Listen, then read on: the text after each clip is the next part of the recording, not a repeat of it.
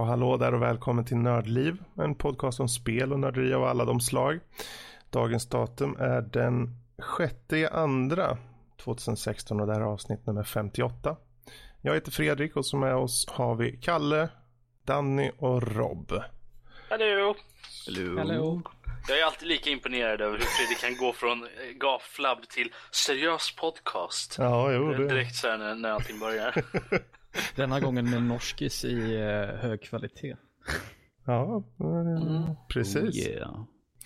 Eh, idag ska vi snacka lite angående, ja, eh, bland annat Portal, lite Lego Jurassic World och även lite nyheter angående Bethesdas eh, egna lilla show igen på E3.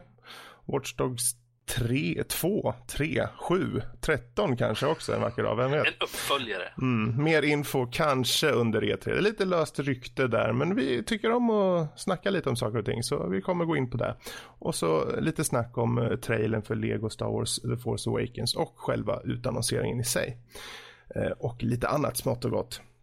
Vi kommer även ha en veckans diskussion där vi tar upp just bästa kvinnliga spelkaraktärerna. Vilka är dina favoriter och varför görs det inte fler? Helt enkelt. Och eh, vi får inte glömma att vi även har en utmaning.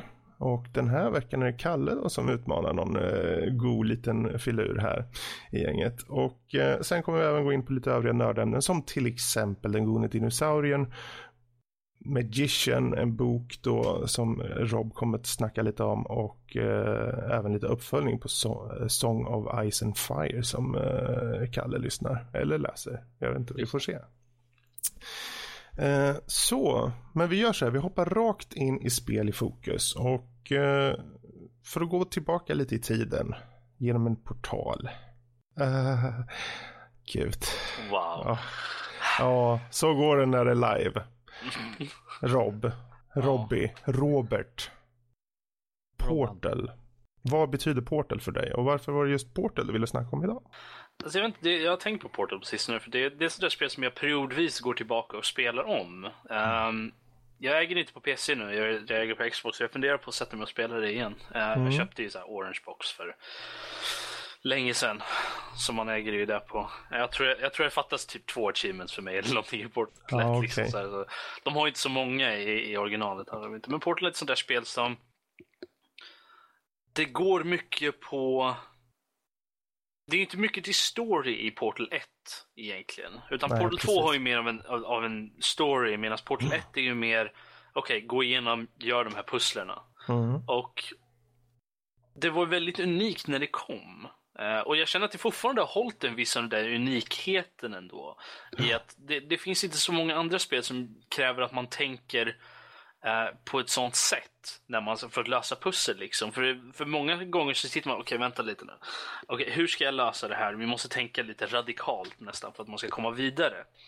Och jag, menar, jag tänker inte gå in allt för mycket i det, för att har du inte spelat Portal vid det här laget så eh, borde du göra det nu. Eh, och då vill jag inte spoila någonting för dig, för att det, det är så pass bra ändå. Mm. Men det, det, det är ett sånt där spel som... Ja, men jag, jag gillar pusselspel, gör jag. Även om jag blir väldigt frustrerad över dem väldigt ofta. Där man, blir, man kommer så här, och så går man en walkthrough, snälla kom igen. Ehm, så att... Men, där- men, jag, men jag tycker Du, om satt, det. du sätter fingret på något där tycker jag. För, för just pusselspel, rent generellt, det finns en, en, en ganska stor skala på allt från väldigt logiska till vissa som har kanske en mer abstrakt tänkande så att säga i, i hur du ska lösa saker och ting. Men Portal känns från start att du, du har de här två verktygen, alltså, eh, eller du har ett verktyg men du kan skjuta två olika typer av portaler och that's it. Och eh, med det här lilla, lilla verktyg så får du etablera, etablera du ganska stor variation ändå i pussellösande. Ehm, Jo, man, har ju, man får ju det i tutorialen redan i, i de tidiga stadierna. Liksom, Där du får okej, liksom speedy thing goes in, speedy thing goes out. Det är någon som sitter vid den. Liksom, okej, ja, okej, jag förstår liksom det är velocity, men det är ingenting som... Det är, alla koncepten i Portal är ändå väldigt...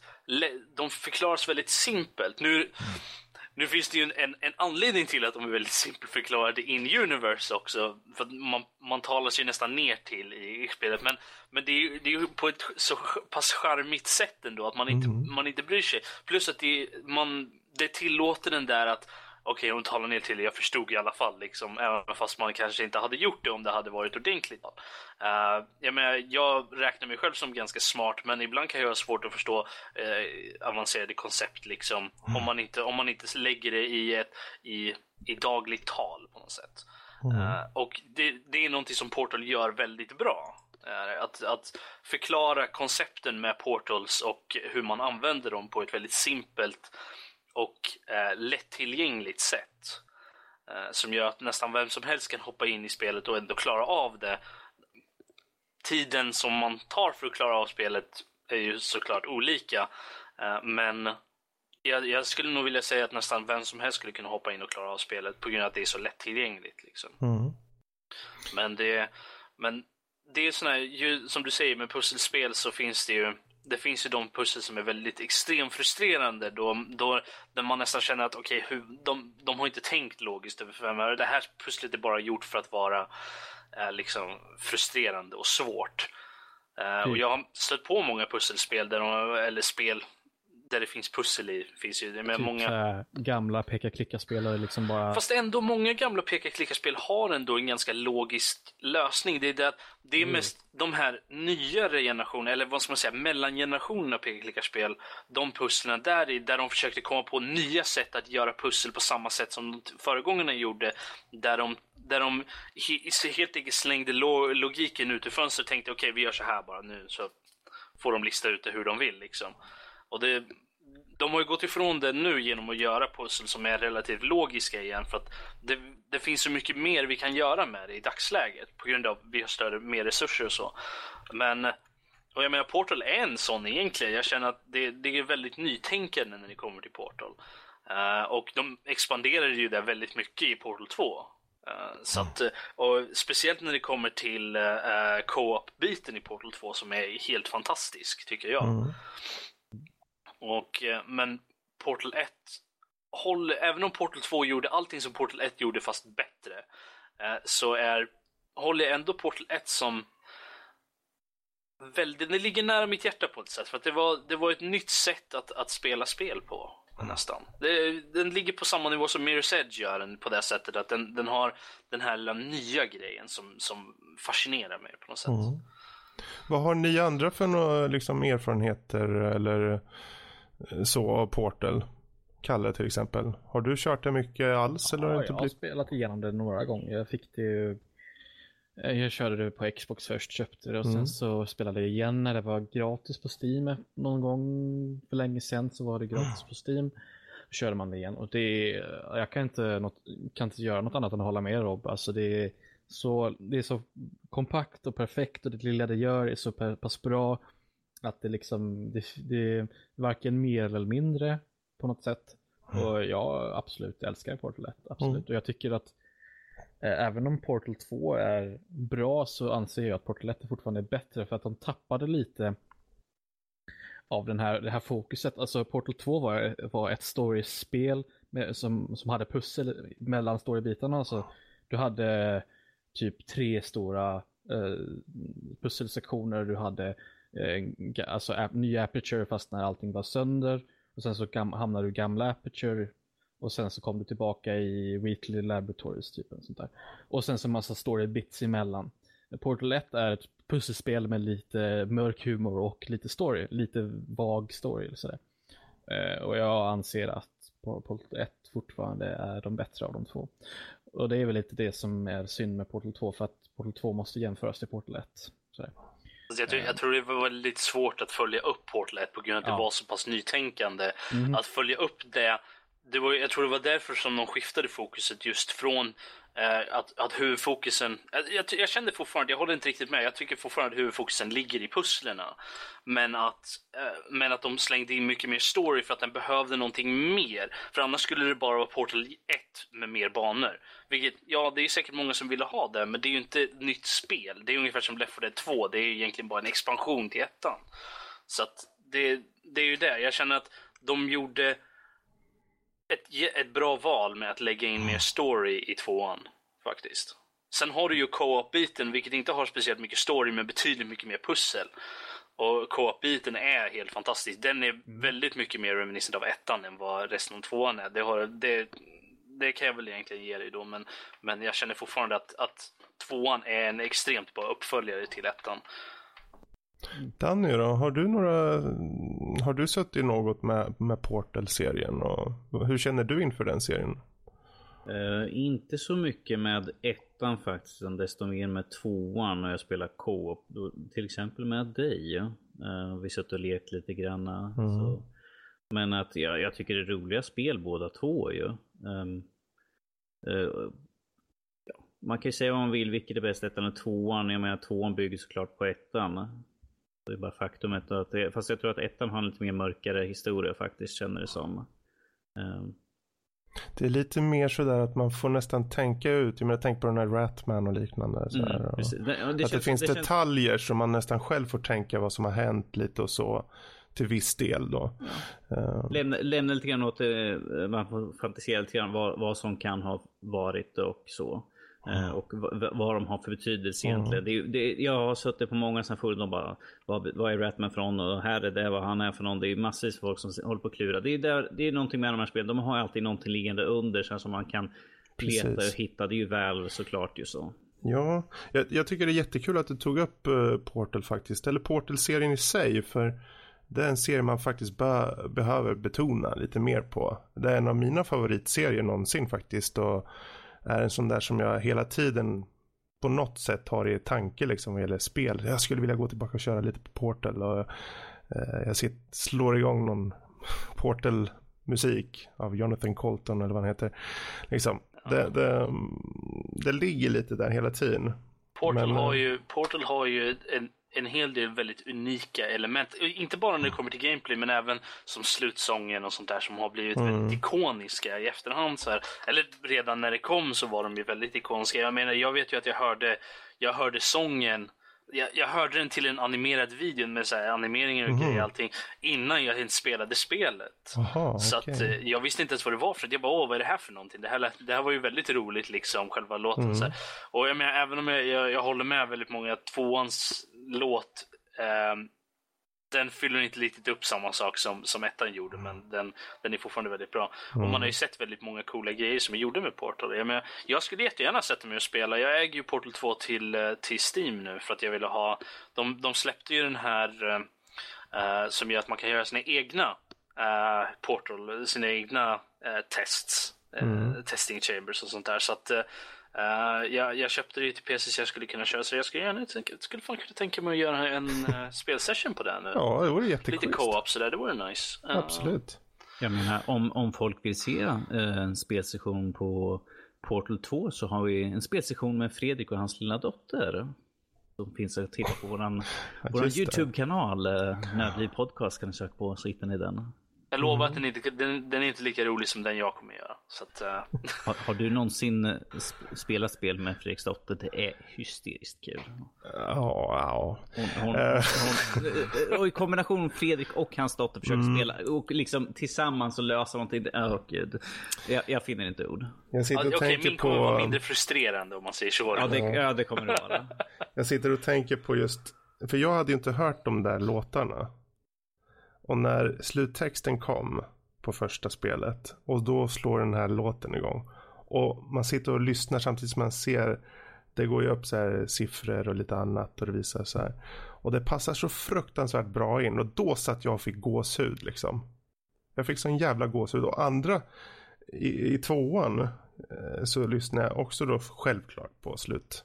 Och den var ju också fenomenalt. Och då, det roliga är att de kunde ha ju gått till vem som helst, någon liten nisse inom sitt eget företag och, och gjort det. Men de går utanför och tar en riktig musiker. Och det lilla som jag har hållit på med musik i mitt liv gör att man uppskattar lite, kanske på ett annat sätt liksom. Så man ser att det finns ett större värde i, i den produktionen. Ja. Och dessutom att det är smart skrivet och har bra musik. Liksom det, ja, det är kul. Men eh, ja, Portal-serien är ju någonting som jag tycker är så jävla roligt på så här svart sätt bara liksom på något sätt. och just skådespeleriet i det. Ja. Vi får ju se om vi någonsin ser en uppföljare till det. Jag skulle jättegärna spela en till. Jag menar, mer, mer Portal, mer uh, co-op Mm. Definitivt. Precis. Jag skulle nästan kunna tänka mig ett helt sånt bara co-op faktiskt. Det skulle vara helt okej. Okay. Ja, jag är jättesugen på mer story faktiskt. En jag helt med. ny karaktär eller något. Jag, jag ser faktiskt hellre fram emot Portal 3 än Half-Life 3. Mycket mer Portal än Half-Life faktiskt. Ja. Eh, men det är bara jag. Men... Um, ja, det är ja. inte bara du, men... Nej. Alltså. Nej. Det är det nog inte. Men vi kanske ska runda av Portal-snacket här. Det, det, är ett spel som är värt att nämna så det är jättekul att du tog upp det. Uh, Har ni inte så... spelat det innan så, så finns det ju på Steam. Det är ju bara att köpa. Det är ju... Alltså, vi ska se här hur mycket det kostar. Uh, Portal är, det, det, är två, två euro just nu på rean så är det två euro mm. för Portal 1 och fyra euro för tvåan. Mm. Så att det, det, är inga dyra grejer det här är det inte. Det är alltså vad, runt 40 spänn.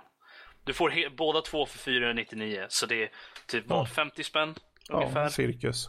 För, för båda spelen, är, helt värt det. på hur snabbt du löser pusslarna så är det typ 8-10 timmar gameplay där. Som är totalt riktigt, ja. Ja, totalt. Som är riktigt top notch.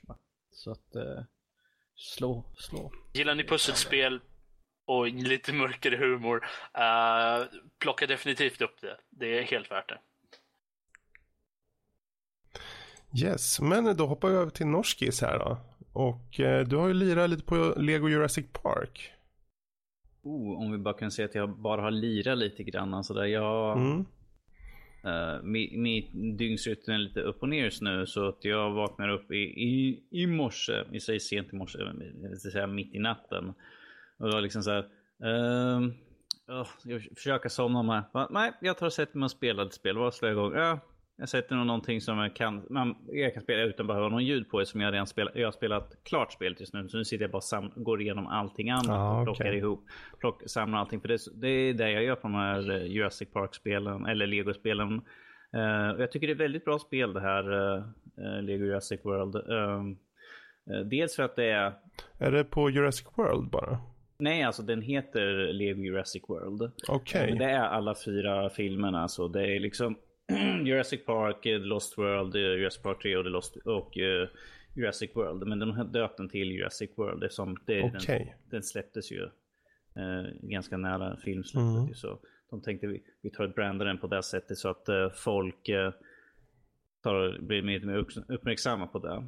Mm. Men att, jag tycker det är ett väldigt bra spel och jag tycker att spelen blir bättre och bättre. Det här är dock, jag är inte så förtjust i att spelen har liksom röster och sånt där ska vara från filmer och sånt där. Men att... Uh, är det nyinspelat på något sätt eller har de tagit från filmerna direkt? Jag har eller? faktiskt ingen aning men att jag tror inte de har för att en del dialoggrejer känns inte som de är. Och jag tvivlar på att de har fått in skådespelarna och uh, spela in nya, nya grejer helt enkelt. Vänta, har de röster i legospelen nu?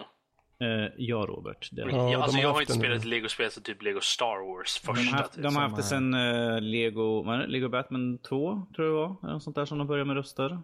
Det är möjligt. Ja, jag, har, jag har inte, som sagt, jag har inte spelat sen Lego Star Wars. Så. Mm. Ja, det är länge sedan. Och då hade de bara...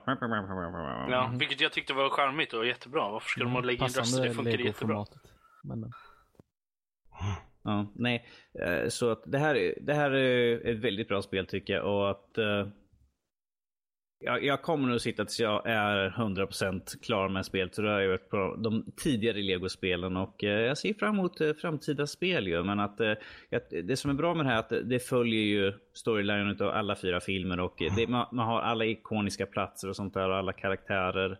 Så det är skönt att, som sagt, Telltale de gör det här väldigt bra ju.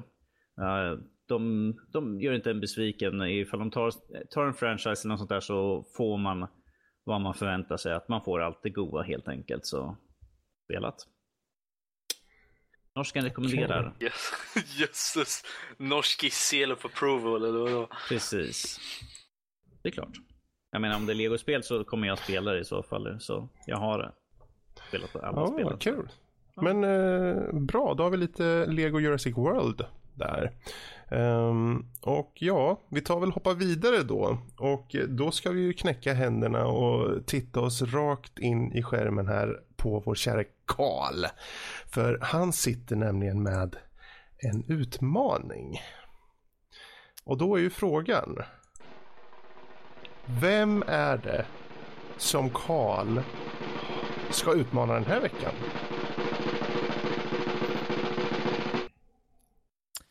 Fredrik. Uh. Okej. Kom igen, vad, vad, ska nu, vad ska han utmana honom med? Vad ska han utmana honom med? Kom igen. Kom igen. Kom Du får en liten. Du får en liten. Okej, kom igen. Nu börjar jag bli lite pirrig i magen här. CSGO. Nej, jag skojar bara. Sällskapsresan. Eh, Hearthstone. Och med en, extra, Hearthstone. med en extra utmaning att du ska slå mig en gång. Okej. Då blir det Hearthstone för mig. Hearthstone, Mm. för er som lyssnade på avsnittet vi hade Hearthstone så alla gav, bety- alla gav betyget nej, det är inte värt min tid. Ja, eller hur? Men det här blir ett ypperligt tillfälle för Karl att visa mig hur den sanna vägen ska gå. Eller hur? Okej, nu har jag inte spelat Hearthstone på ganska länge va. Men ehm, det, jag spelade ju det... Är det gratis förresten? Ja, det är gratis. Ja, det är gratis. Yes. Jag spelade ju det väldigt eh, ofta i typ ett år skulle jag väl Mhm. säga. Från strax innan släpp, alltså några veckor innan släpp eh, under betan tills ja, nu fram till nu, spelar det lite då och då nu. Och, Mm. eh, så eh, jag är väl så, så att säga experten här. Eh, och eh, det ska bli kul att se om Fredrik kan lista ut eh, det, spelet tillräckligt för att slå mig. Svar Ja. nej. Jag, jag, jag vill att vi har det här att eh, ni får spela in när ni spelar en match och sen ifall Karl slår Fredrik så kommer Karl luta sig tillbaka och skratta bara ah, ah, ah, You have much to learn my young padawan och bara Ja. Vi kan, vi kan göra så här, det här kommer jag bara på just nu, men för att göra det rättvist kan jag ju säga att, att jag inte ska använda alla OP-kort som jag har samlat på mig under ett år eh, av spelande. Så att Okej. eh, bara för att göra, vara snäll mot Fredrik så behöver Mm. alla Det de... kan vara schysst. Karl, Jag du får, du får köra med en starter deck. Får du göra. Ja. Ja, ja, men det finns ju starter decks. Så kan jag spela med den då. Bara för att göra Mm. det rättvist. Ja, nej men det ska bli intressant. Jag ska gå in med hull och hår faktiskt, känner jag. Hem, hemsk bild, Ehm. hemsk bild där. Jag. Intressant, Jag, intressant. Jag, jag är inte intresserad av Hearthstone, men jag ser fram emot att se Karl spöa Fredrik gul och blå.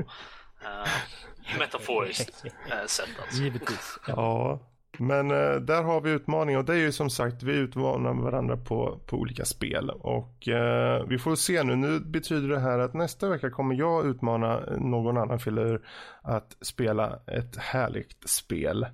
Eh, och veckan efter det så är det ytterligare någon då, men Eh, om två veckor så har vi den första uppföljningen. Vi blev, jag utmanade Rob här för ett par veckor sedan på DMC, eller Devil May Cry då. Eh, och vi kommer börja med det eh, i förmodligen, förhoppningsvis avsnitt nummer 60. Kommer vi följa upp på det. Just det, jag kanske borde spela klart det spelet också. Kanske det, kanske. kanske det. Ehm, men det ska bli intressant. Så nästa vecka är alltså jag som får nöjet att eh, dra till med ett litet spel. Mm. Oj, oj, oj. Oj, oj, oj. Men eh, då låter vi det bli slutorden för utmaningen. Och eh, jag kan bara säga det. Är det så att ni där ute känner att men den här Kalle han behöver utmanas i det här. Eller Danny är det här. Eller mig eller Rob eller vem som helst. Maila in till oss på info.nordlivpodcast.se och säg jag vill se Rob spela världens bästa bilspel. Och sen vilket det är, det vet jag inte. Men eh, om ni vill att han ska spela Project Cars, skicka till honom. Eller till oss. Så, då går vi vidare och vi hoppar rakt in i spelnyheter. Danny, vad har hänt i veckan? Och varför har du en så fin och vacker näsa? Eh, ja du, eh, jag, jag kan svara på den första grejen men att eh, på den andra frågan där så säger jag pass. Eh, eh, nej, Du gör det va? det är Ja, ja. hemligstämplat. Precis, jag kan tyvärr inte uttala mig någonting men att eh, jag tyckte vi kom överens att Genetik? tyvärr ja. Men Mm. sånt där hade, sånt som vi skulle hålla till förra podcast. Så nu fortsätter jag med spelnyheten, försöker vara lite proffsig här i alla fall. Nej. Nej.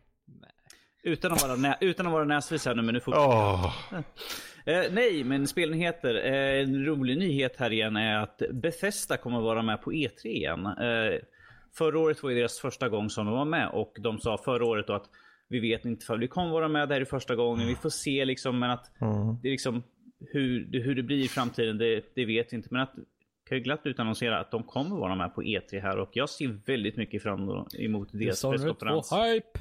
Säger jag bara. Alltså- Efter deras enormt bra uh, presentation eller prestation eller vad man nu, andra p-ord som man vill använda. Uh, så för, förra året så är det svårt, hade jag svårt att tänka mig att de inte skulle vara med nästa år. Med mm. de, de vann ju E3. Å andra sidan så kom de ju med ganska med tungvikten liksom. Mm. Uh, jo, jo, men det, det är ju väldigt bra. Och de var ju lite så här lite kaxiga ändå, för det var ju ändå innan showen hade det gått igång och då drar de till med typ, ja, ah, vi, jo, det är lite Fallout 4 och kanske lite Dishonored. Då hade bara, fan, hur ska vi? Och då liksom två jättestora, det ska bli riktigt kul att se vad de kommer med. För jag hoppas ju att det eh, inte bara är Dishonored. Det blir jättekul Nej, om de visar mer. Elder Scrolls 6. Mm. Fallout 5. Mm. Ja. Fallout 5. Eller vi, möjligtvis Fallout Expansion. Den här gången bara få två stycken uh, dialogval, ja och nej kan man säga. wow, wow. Men jag kan tänka mig möjligtvis uh, Fallout Expansion. Att de är no, jo, jo, det är sant. Det är sant. Ja, absolut. Men uh, Dishonored 2. Mm. Mm. Jaha, då var det inget mer att säga om det. Nej. Nej. Förutom att alla är hypade inför det och det ska bli spännande att se. Precis. Helt enkelt. Eh, menar, vi, det... vi ses i juni igen. ja, ja. Bye bye. Vi återkommer. Svårt att toppa i alla fall. Så. Mm.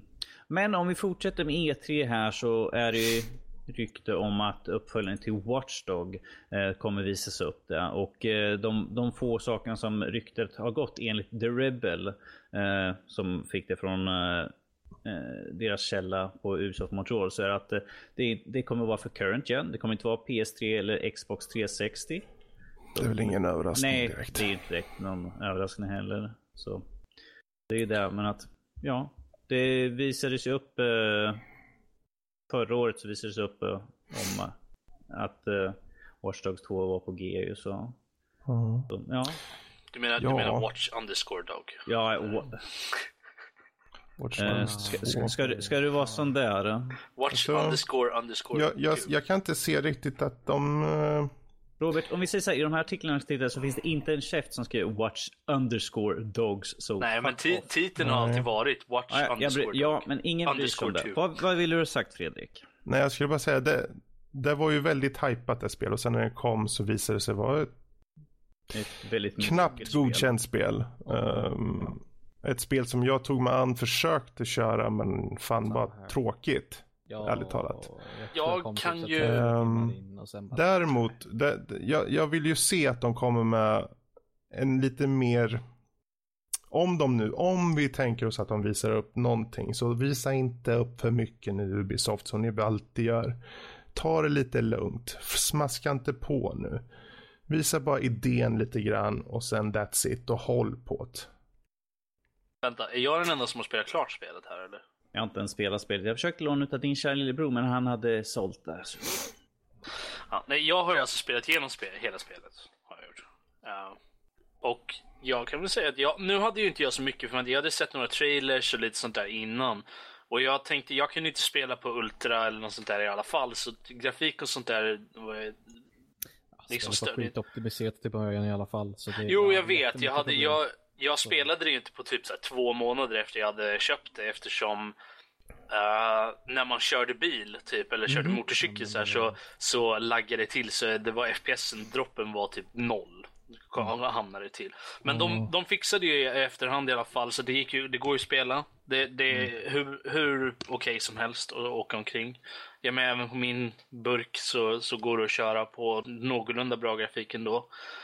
Men jag, men jag kollade på en sån här jäm, jämförelsevideo där de hade typ trailers och där de hade ehm, um, E3 footage och um, actual game footage på Ultra typ så här, och man såg att det var uh, skillnad på på det. Men alltså det, sånt stör mig inte mig så det jättemycket. Gör, eftersom jag var ju mer ute efter storyn och storyn var ju helt okej okay, tyckte jag. Uh... Jag, tycker, jag tycker egentligen, jag var inte heller så insatt. Men det är ju storyn som brister. Dels för att du har en huvudkaraktär. Fast nu, nu går vi ifrån ämnet här, det är ju nyheten i frågan. Jag ville bara säga att, att um, som, det, som... Jag tror, så, jag tror det, vill du, det du vill säga att de som har spelat spelet kommer se fram emot tvåan.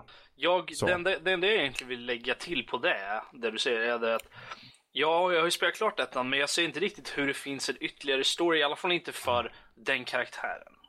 Um, så... Nej, men det kan ju vara ett plus, för det var den stora bristen att han var en mm. sån Alltså, jag ja, han var totalt douchebag och ointressant och jättedålig egentligen. Jag tyckte, jag gillade honom. Jag tyckte han var en bra karaktär ändå. Eh, liksom, han hade ett djup ändå som man inte, som man var tvungen att titta efter det lite, men, men han hade mm. djup i alla fall, tycker mm. jag i alla fall. Men, eh, men, men jag, som sagt... Hans story var avslutad tycker jag i alla fall. Ja. Så att, som sagt, vi hoppas här... att det blir något annat. Då. Det blir påbyggnad i IP antar jag då mm, i så ja. Om den nu kommer. Whatever. Det, de, de får en till chans med IP helt enkelt. Alltså, det, det, är ett roligt koncept, liksom open world med allt det här hacking och bla bla bla och lite mm. coolt. Så jag kan ge dem en till chans eh, ja. med, med det IP. Absolut. Bra, Danny. Yes, får jag fortsätta nu? Nej, ja, nu får du fortsätta. Ja, jag förstår inte varför vi skulle fortsätta så långt på någonting som bara är tryckt än så länge. Vi fortsätter med en nyhet som intresserar mig efter att ha hört mig prata här förut om eh, Lego Jurassic World. Så fortsätter vi här nu med Lego Star Wars The Force Awakens. Yeah. Okej, okay, moving on. Nästa nyhet. Precis, eh, nästa nyhet. Nej, men jag tycker det här är skitkul. Eh, mm. De hade ju slängt upp en trailer också och det emulerar mer eller mindre trailern från filmen fast det i Lego fashion med lite mer som komisk.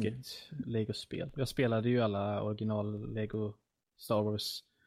Den här, vad hette de? Det var ju ettan, det var ju den här, var det, hette den Lego Star Wars Saga eller vad hette den? Ja. Det var ju som av alla, alla filmer. Yes. Uh, och de, ja, det var ju länge sedan. Jag var ju, jag var ju ung på den tiden. Mm. Du är fortfarande uh, ung. Ja, jo. Men jag var liten då. Eller vad du menar säga. när du var bebis? Uh, Rekord kan det vara en vecka sedan. Men det... när jag var, hur gammal ja. jag var, 13-14. Så det här kanske är dags för mig att plocka upp ett till. De är ju definitivt roliga. Eh, jag tycker de passar ju nästan alla åldrar ändå. Sådär. Det hade ju varit märkligt om de inte hade cashat in på det här. Mm. Så det är klart de gör det. Ja, men det, det, det kom ju som ut ur det blå plötsligt. Ja förresten, eh, här har vi Lego Star Wars The Force Awakens. Man bara, mm. what?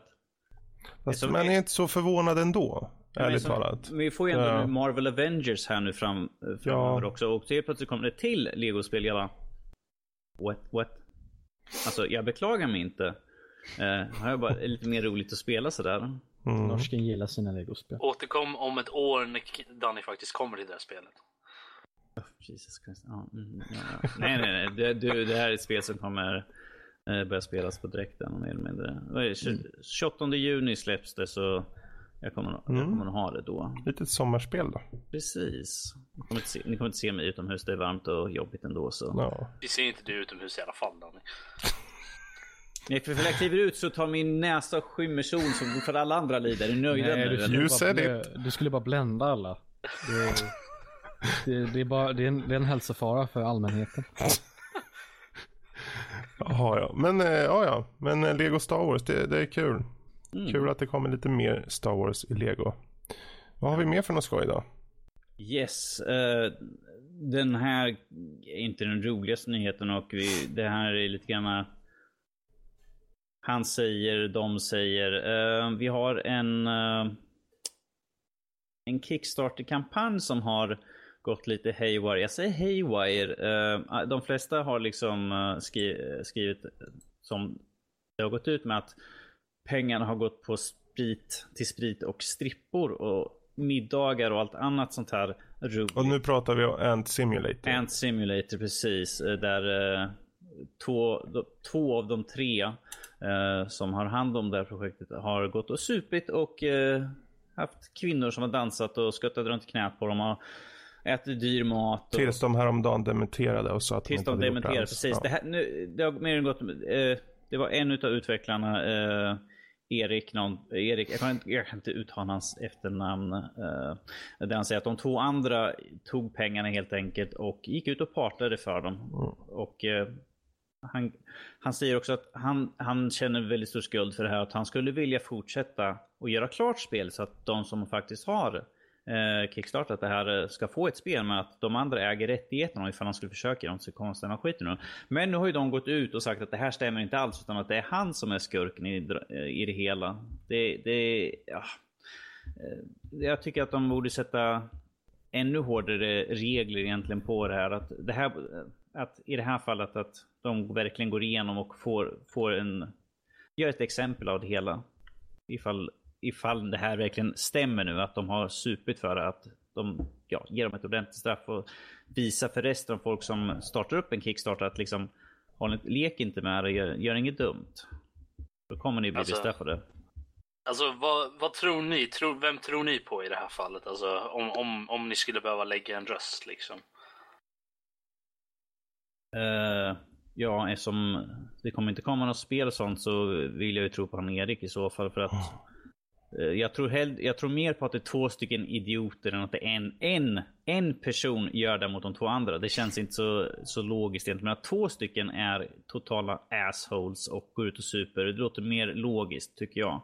Men uh, troligtvis kommer vi inte få reda på hur sanningen Nej. är egentligen. Plus, plus att äh, de andra två var ju, en av dem var ju Director of Finances. Mm -hmm. uh, och den andra var, vad var han? Uh, jag kommer inte ihåg vad han var, men han var någon så här, någon sån där, hade hand om core values och allt sånt där och management av, av alltihopa. Så att det låter ju mer troligt att de två skulle ha tagit pengarna än att han som satt och programmerade, han den enda som gjorde någonting i företaget egentligen. Ja. Skulle som, faktiskt... Som eh, Danny sa till början där, alltså det är, vi kommer inte veta den riktiga historien. Det är så här, de, han sa, han sa, mm, det är synd hur man än vänder och vrider på det. Men jag tycker alltså. ändå det, det, det, det är en sån här nyhet som man inte dyker på speciellt ofta. Man hör ju alltid att den här Kickstarter gick inte av av någon annan anledning. Liksom att mm. vi allocatade funds konstigt eller, eller vi, vi ja, tänkte det, Vi siktade för högt med de pengarna vi fick. Eller så. Ja, precis. Men här, här är nog första gången jag någonsin har sett ja men det gick till strippor och bärs. Liksom. Typ. Det, det, det är första gången och det är en sån här nyhet man bara, men vänta lite nu. Alltså är folk dumma i huvudet eller? Svar ja. Uh, ja, svar ja. Uh, alltid ja. svar ja. Det är förkastligt oavsett, så det, det är tråkigt. Alltså man men, måste ju... Alltså själva grejen är att man måste ju tänka på Dels att Kickstarter, de ska ju alltid leverera på vad de säger. Sen är ju det att, att vad, jag vet inte vad procentalen är, men det är väl en, runt en 15-20 procent i alla fall som inte levererar på det de har sagt. Men större delen, majoriteten av dem gör ju det i alla fall till, till en viss grad så vitt jag förstår det. Um, men att det finns ju alltid en risk eftersom det, det du gör, det är ju inte så att du köper ett spel utan det är det att du, du fundar ju ett spel. Du, du ger pengar för att få ett spel. Alltså du, du lägger pengar på en idé i stort sett, är vad du gör. Sen om du får en return på den, det, ja, det, det är ju alltid en gamble. Är det. Och sen är det ju också så att ska man gå in i business med någon så nu hade ju han känt de här i vad, 11 år eller något sånt där tror jag. De var ju nära vänner av hans, men även där så kan man ju inte riktigt lita på folk. Um, tycker jag inte. Men uh, jag har svårt att se att, att ibland så har man inte så mycket chans egentligen. Eller mycket val ska jag väl inte säga. Eh, vem man, man kan inte välja alltid vilka man vill. Sen ska man väl alltid kunna lita på sina vänner tycker jag väl. Men, eh, Då de uppenbarligen har varit vänner i 11 år. Så. Ja, eller hur. Mm. Och tillräckligt nära vänner för att gå in liksom i, i, i ett företagsverksamhet tillsammans. Liksom. Då tycker man ju att då borde man vara relativt nära. Och hur, jag, jag, kan, jag, jag har jag har stora värderingar när det kommer till vänskap och så. Så jag har väldigt svårt att tänka, förstå mig på folk som bara skulle slänga det åt sjön genom att bara, bara för att ta, ha lite roligt med lite pengar liksom. Om vi, om vi säger så här, ifall Fredrik och jag skulle starta ett företag och vi skulle få mycket pengar, vi har känt varandra i över 20 år nu, ifall det skulle finnas mycket pengar. Hej då Fredrik. bye bye. Pengar är pengar. Det är lugnt, jag har redan tagit bort pengarna innan du ens tänker på tanken. Så. Bastard.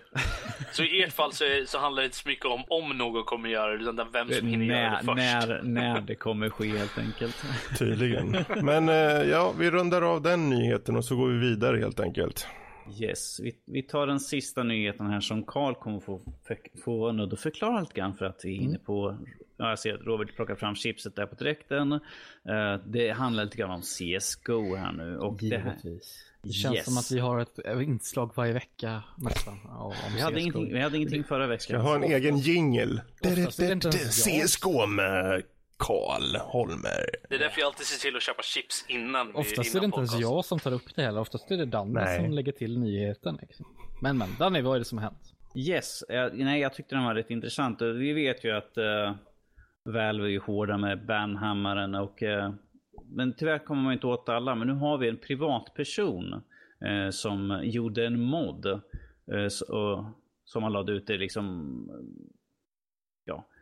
Eh, där de, där de ut, att det skulle vara aimbots, wallhacks och bunnyhops och alla sådana här roliga häftiga grejer som gör att man lättare vinner i Counter-Strike. Jag har ingen aning, jag har inte spelat spelet. Jag, jag, nickar, jag nickar här just nu och håller bara med. Så här. Och eh, folk tänkte, åh vad coolt, så vi tar och laddar ner den för då kan vi vinna och bli mycket nu tar jag kaninöron här. Mycket bättre, men eh, tydligen var det en sån som bannade folk på direkten mer eller mindre. Eh, Karl, du får gärna förklara det här. Jag frågade här innan vad ja. vackbannen och det är för någonting och hur det fungerar. I, fusk, jag kan ta ännu ett steg tillbaka. Fuska i CS har alltid varit ett problem. Liksom. Det är så att det är ju sånt eh, så pass skicklighetsbaserat eh, spel vad gäller eh, alltså muskel-öga-koordination, precision med, med musen och sånt där. Så det, det gör ju att det blir dels att många drivs till att fuska för det är svårt att bli bra.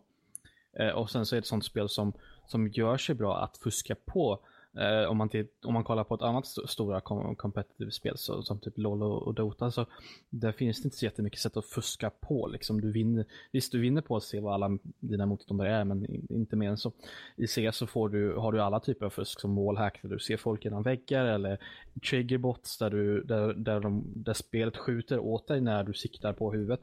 Eller um, finns det mer? Det finns eh, uh, bunnyhop scripts som, som, gör att du kan bunnyhoppa automatiskt. Då. Men vad som har hänt här är att uh, han har lagt upp ett, uh, ett fusk på en fusk-community då där, som triggar VAC automatiskt då, alltså Valve Anti-Cheat som finns i CS. Uh, och Valve Anti-Cheat de, de går ju bara på liksom, typ mjukvara, spelets filer, om de är, är på något sätt någon har mixtrat med dem liksom. Och då har mm. han helt enkelt bara gjort någonting som man vet att VAC triggas av. Och sen så, puff, så har vi, vi har många, många konton försvunnit tack vare det. Eh, det sagt så, om de är smarta, vilket alla fuskare inte är, jag har kört med folk som har fuskat och blivit bannade på konton som har varit väldigt mycket pengar. Eh, de kontona som har försvunnit, de kanske inte är så så viktiga i det stora hela för dem. Förmodligen så är det bara smurfkonton och sånt där. Jo, det, var, det var ju några i nyheten såg jag ju att att, uh, ja, trots mitt chipset så har jag faktiskt lyssnat och läst. uh, nej men, um, i nyheten så hade de ju lite, lite kommentarer också. Jag tror de har screenshot bara av några kommentarer. Det var det liksom att, ja men det här var ju on my secondary account eller något sånt där liksom. Så hade mm. de ju liksom, är det är klart att folk testar såna här saker på konton liksom som inte är värda någonting.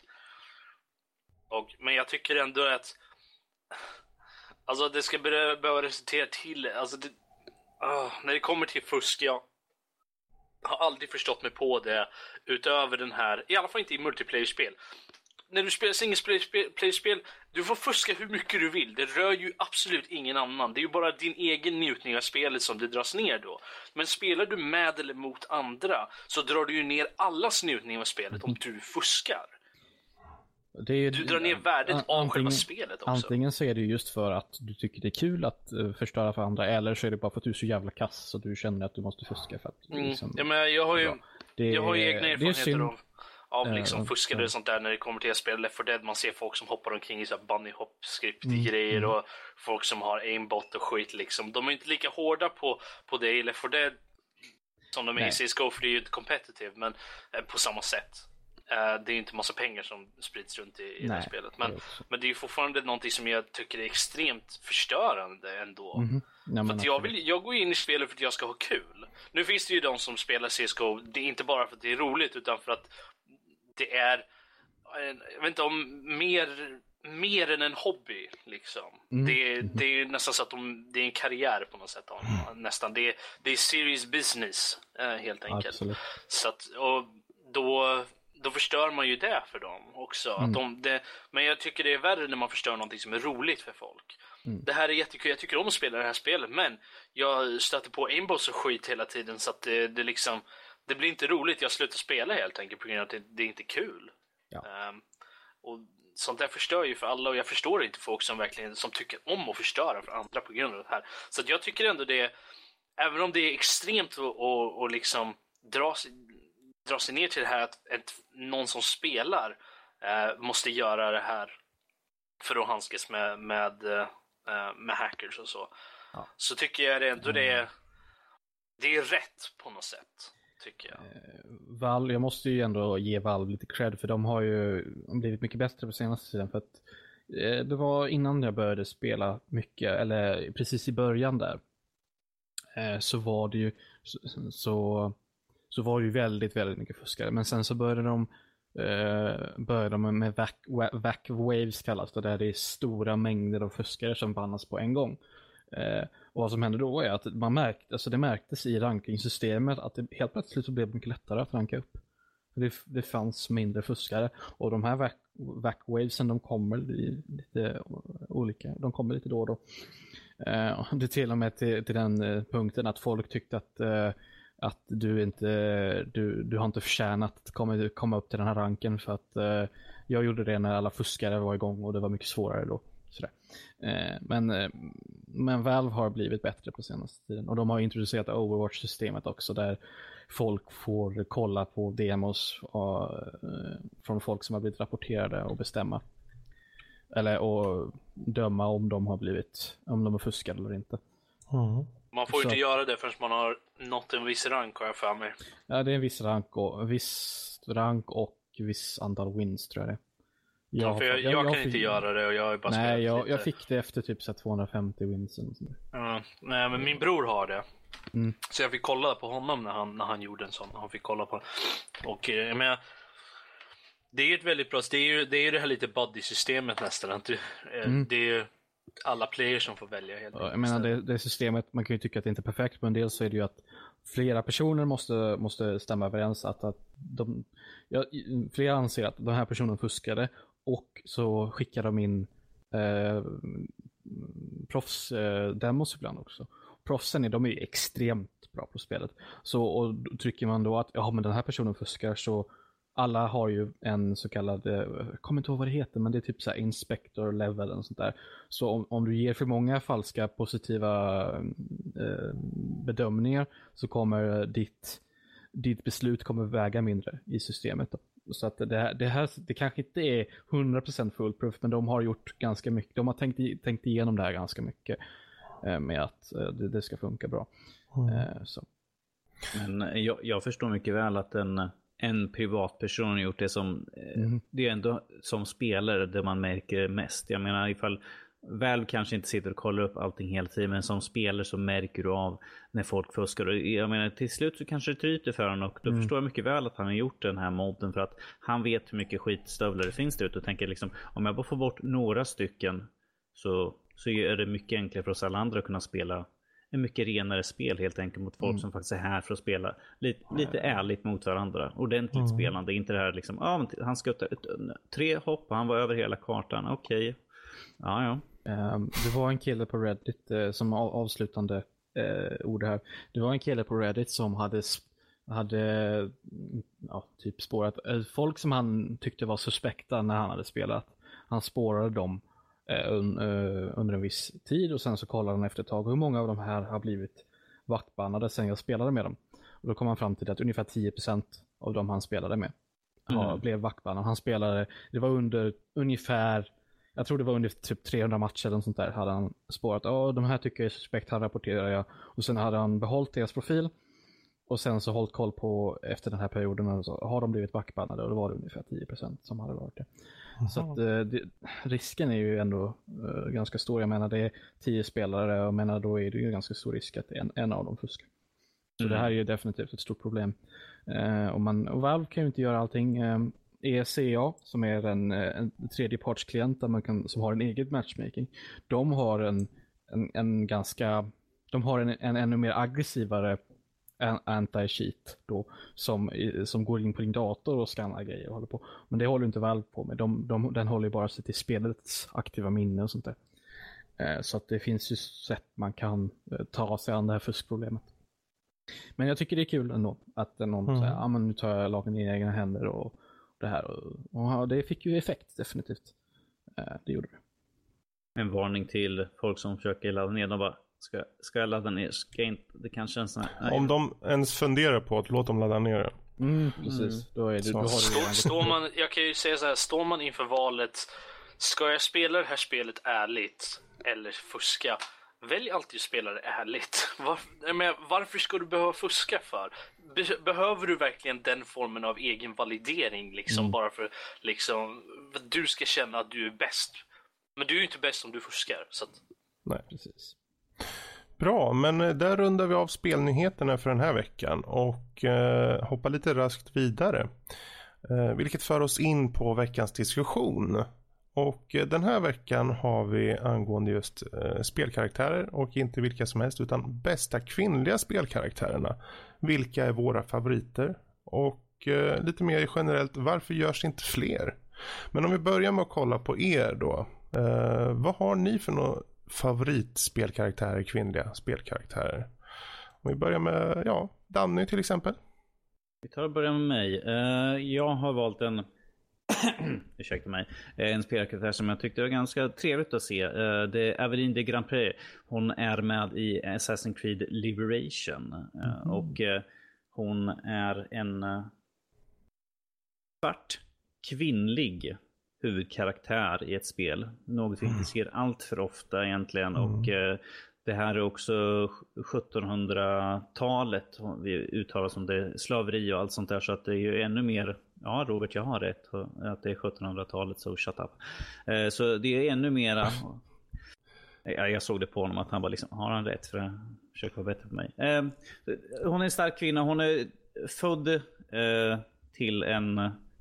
Shut up, Robert fransk adelsman och en, eh, en eh, slav. Och eh, växer upp i ett fint hushåll men de ser liksom att eh, det finns orättvisor runt omkring henne även fast hon inte lever där. Och eh, i början på spelet så är det att liksom folk bemöter henne på ett dåligt sätt. Även fast hon går i de finaste kläderna man kan hitta där så är det liksom så att de bara, du är ingenting att ha. Du är liksom en slav egentligen. Mm. Du är en svart kvinna. Du har ingenting att göra. Och vilket helt enkelt gör att hon vill göra någonting åt det och eh, blir helt enkelt en assassin. Eh, och jag tycker att det är väldigt bra jag tycker hon är en bra förebild egentligen. Eh, dels för att stå upp för rättvisarna och som en minoritet i det här spelet då att hon står upp för att liksom jag som mig själv kan inte göra någonting med att liksom, jag kan göra någonting åt för alla andra som då utav slavarna då att jag kan göra någonting för att göra bättre åt mm. deras deras liv helt enkelt. Jättebra, jättebra mm. exempel. Karl? Samus, faktiskt. Precis. Det, du menar Samus? Samus, Samus. Samus. Det är tomato, tomato. Tom, tomato, tomato. Ja. Potato, potato. Men uh, just för att det var ju sån, ja, speciellt i de äldre spelen, kanske inte så mycket i Other M, där förstörde de hennes karaktär lite grann. Men i de tidigare spelen så det visar ju, alltså anledningen till att jag valde Samus är ganska kort egentligen. Det visar ju bara på att, att det spelar ingen roll egentligen vilket kön det är. Så det, det är inte så viktigt speciellt. Det spelar, ingen, det spelar ingen roll att Samus var en kvinna förrän i slutet man fick reda på det. Speciellt i första spelet till NES. Mm. Eh, så. Eh, det, det, är kul, tycker jag. Alltså att det, det, det ska inte spela någon roll. Nej, exakt. Utan det är liksom det är vad det är och det är inte mer än så. Och Nej. man behöver inte göra en big deal av det heller. Liksom. Det är jättebra. Bra. Eh, Rob? Uh, jag kom in i det här helt oförberedd mest för jag kunde inte välja någon ordentligt. Men det är en av de som är så uppenbara egentligen är ju Lara Croft. Men det är, jag känner egentligen att egentligen det är inte förrän i den nya rebooten som hon faktiskt har mm. kommit in som en mm. ordentlig kvinnlig, en bra kvinnlig för mm. liksom, vad ska man säga, role model eller vad man säga liksom.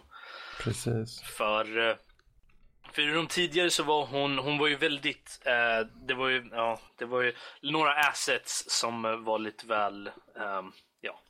Hon var en uh, bystig actionhjältinna Robert, du kan ja, säga det. Ja, okej okay då.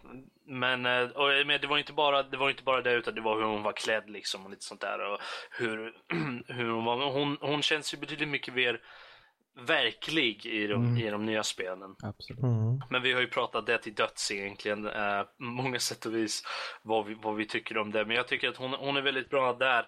Men jag vill ju även säga att utöver Lara Croft så finns det ju andra också som är som är så svåra att sätta någon punkt på just på grund av att de är ju egentligen inte karaktärer, kvinnokaraktärer för sig som om man tar som exempel uh, Mass Effect till exempel. Där kan du ju välja att vara antingen man eller kvinna och det är ju egentligen samma karaktär genom båda. Så att det... Och jag tycker ju att de spelen är väldigt bra just på grund av att du kan välja och då kan du ju vara en stark kvinnokaraktär om du vill vara det. Men eh, det är ju inte någonting som du måste vara. Problemet, eh, för, för att få inbryta lite grann på det här med Mass Effect, att det är, det är liksom skrivet på samma sätt både för manligt och kvinnligt. Jo, alltså, men det är det jag säger. Ja, precis. Det är det är för, ja. precis. Ja, så att det, det är samma sak i Dragon Age, det är Fable, det är en dussin ja, andra spel som är exakt likadana. Ja, precis. Ja. Uh, Fallout. Det, det, det, det spelar ingen roll vad du väljer för någonting. Du får ju samma story utav det. Karaktären är skriven exakt likadan. Du, får, du har ju tillgång till an, ett antal olika options kanske om du är en kvinna eller gentemot om du är en man. Men det är ingenting, inget som är en game changer. Men det är fortfarande en positiv sak. En extremt positiv sak. Tycker jag. Och jag mm. känner att det är viktigare på något sätt än att ha en som man kan hålla, stå upp, hålla upp mot ljuset, liksom som Lara Croft till exempel. Att okej, okay, men här har vi en stark kvinnlig karaktär. Ja, ja, men kan inte vi ha en stark kvinnlig karaktär där vi, där vi själv får välja liksom, på något sätt? Men det är ju sådär antingen eller, man får ju välja lite själv. Precis.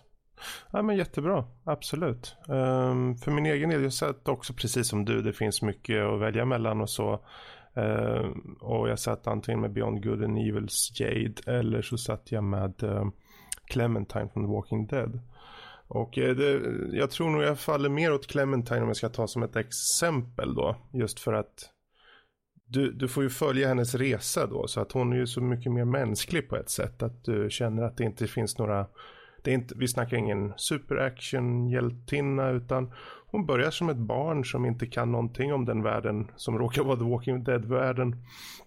Och sen liksom växer upp inom situationstecken inom den världen.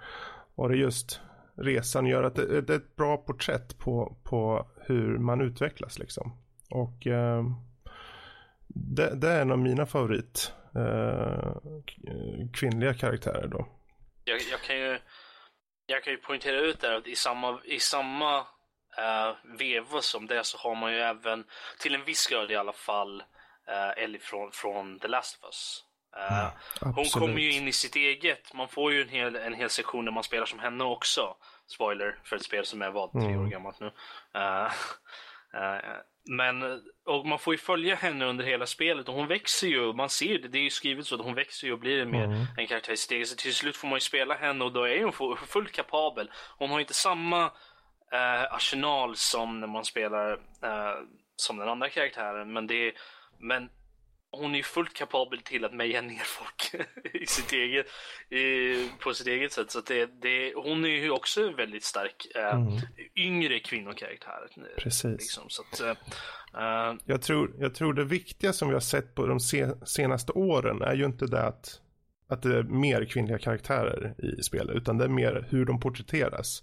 Att vi har olika typer, inte bara att alla är fem fatals utan att vi har de som är sårbara men kvinnliga och klarar biffen. Och det finns de som har problem med saker och ting. Det finns uh, Beyond Two Souls heter det så. Där den har liksom mer psykologisk stress och så vidare. Det finns ett stort variation i hur de här kvinnliga karaktärerna uh, porträtteras. Och det är det som är, det, som är bra numera. Ja, som du säger, vi vill inte ha fler kvinnliga karaktärer. Vi vill ju ha det, men, men vi vill inte ha fler, bara fler, fler kvinnliga karaktärer för att ha kvinnliga karaktärer skull, utan vi vill ha bättre kvinnokaraktärer. Ja, och en stor variation så att inte alla liksom är skrikande våp som springer i skogen liksom.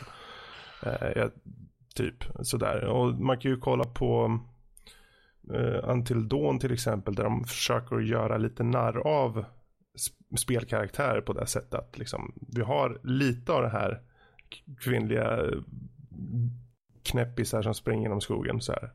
Men där drar de och skruvar till karaktärerna hela tiden. Så att de, liksom, det, det, känns som att de kommer vidare lite där. Även om de kör 80-tals skräckpastisch på det. Um, men eh, annars om vi tar just den frågan då. Varför görs det inte fler? Eller varför görs det inte mer varierat med spelkaraktärerna på den kvinnliga sidan? Finns det något svar där eller är det bara att vi inte har kommit dit än? Um, en Alltså- grej, en, jag får, om jag får börja Robert. Ja, kör, kör. Okej.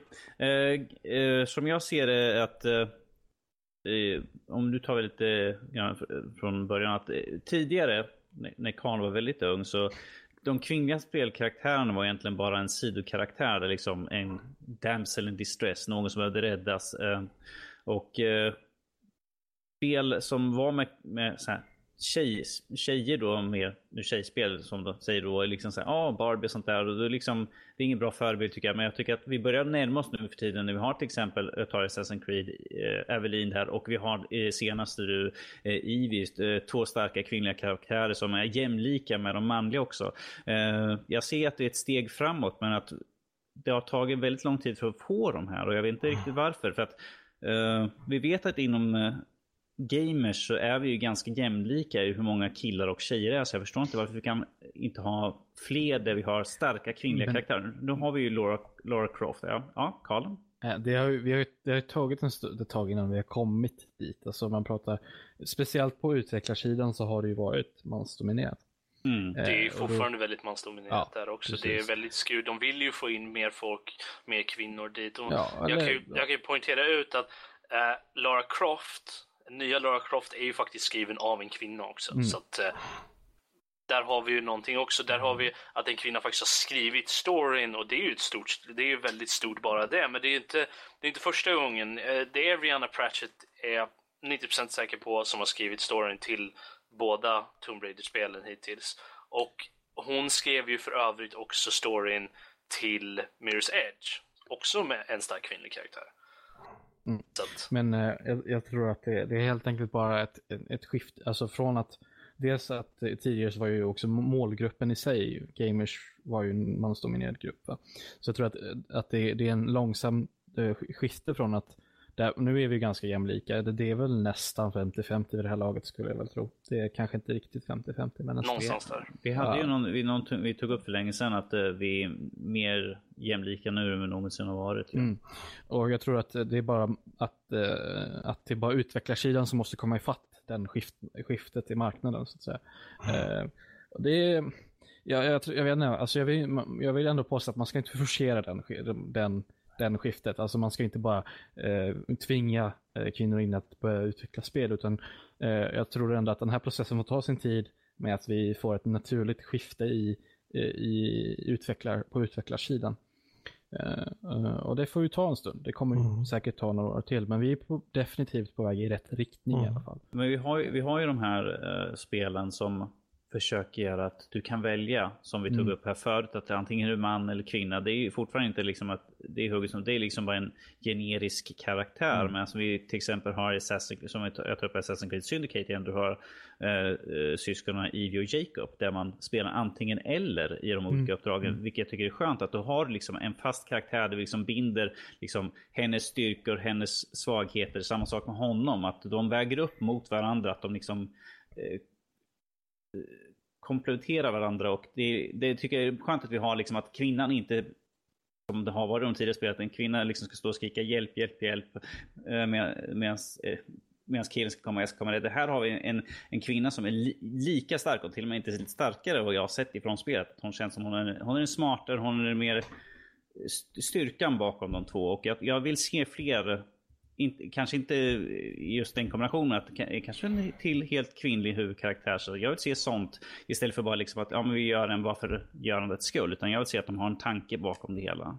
Alltså det, det har ju varit så i för, förut liksom att att- som, som Carl säger, liksom, utvecklarsidan har inte riktigt hängt med eller är inte riktigt där än där vi är på spelarsidan. På många sätt och vis. Vi börjar ju när, vi börjar ta oss sakta men säkert framåt där vi har mer starka kvinnokaraktärer, mer eh, på grund av att vi har mer Dels har vi en mer kvinnlig eh, audience liksom, men också att vi börjar få mer kvinnor på utvecklarsidan som kan tillföra den biten. Men det, jag känner fortfarande inte att det egentligen är en ursäkt eh, att, att ha dåliga kvinnokaraktärer just på grund av att jag tycker inte Det, det, jag har hört det som ett vanligt förslag. Liksom, ja, men det, det är ingen som vet hur man skriver kvinnokaraktärer. Nej, det är bara det att folk som skriver de här spelen inte har en aning om hur man skriver kvinnokaraktärer i så fall. Det, typ, att... jag, jag håller inte riktigt med allt du säger. Så jag vill ändå påstå att eh, på, på någon nivå så krävs det en, en, en, en kvinna för att skriva en kvinna. Alltså, Nej. misstaget som man kan begå då är att eh, man skriver en, en, en dålig karaktär istället. Man, det, det, det blir overkligt istället. Nej, nej, jag säger inte, jag säger inte att, att man behöver vara kvinna för att kunna skriva en kvinnokaraktär. Det tror måste, jag definitivt måste, inte på. Jag menar bara på att de som har skrivit spel hittills inte vet hur man skriver kvinnokaraktärer, eller inte vågar på att skriva kvinnokaraktärer ja. just på grund av att Men... det, det finns så mycket fel att göra. Så, så pass stora som spelar nu för tiden, då kan det ju vara bra att få, eh, att få bitar från båda sidorna i så fall.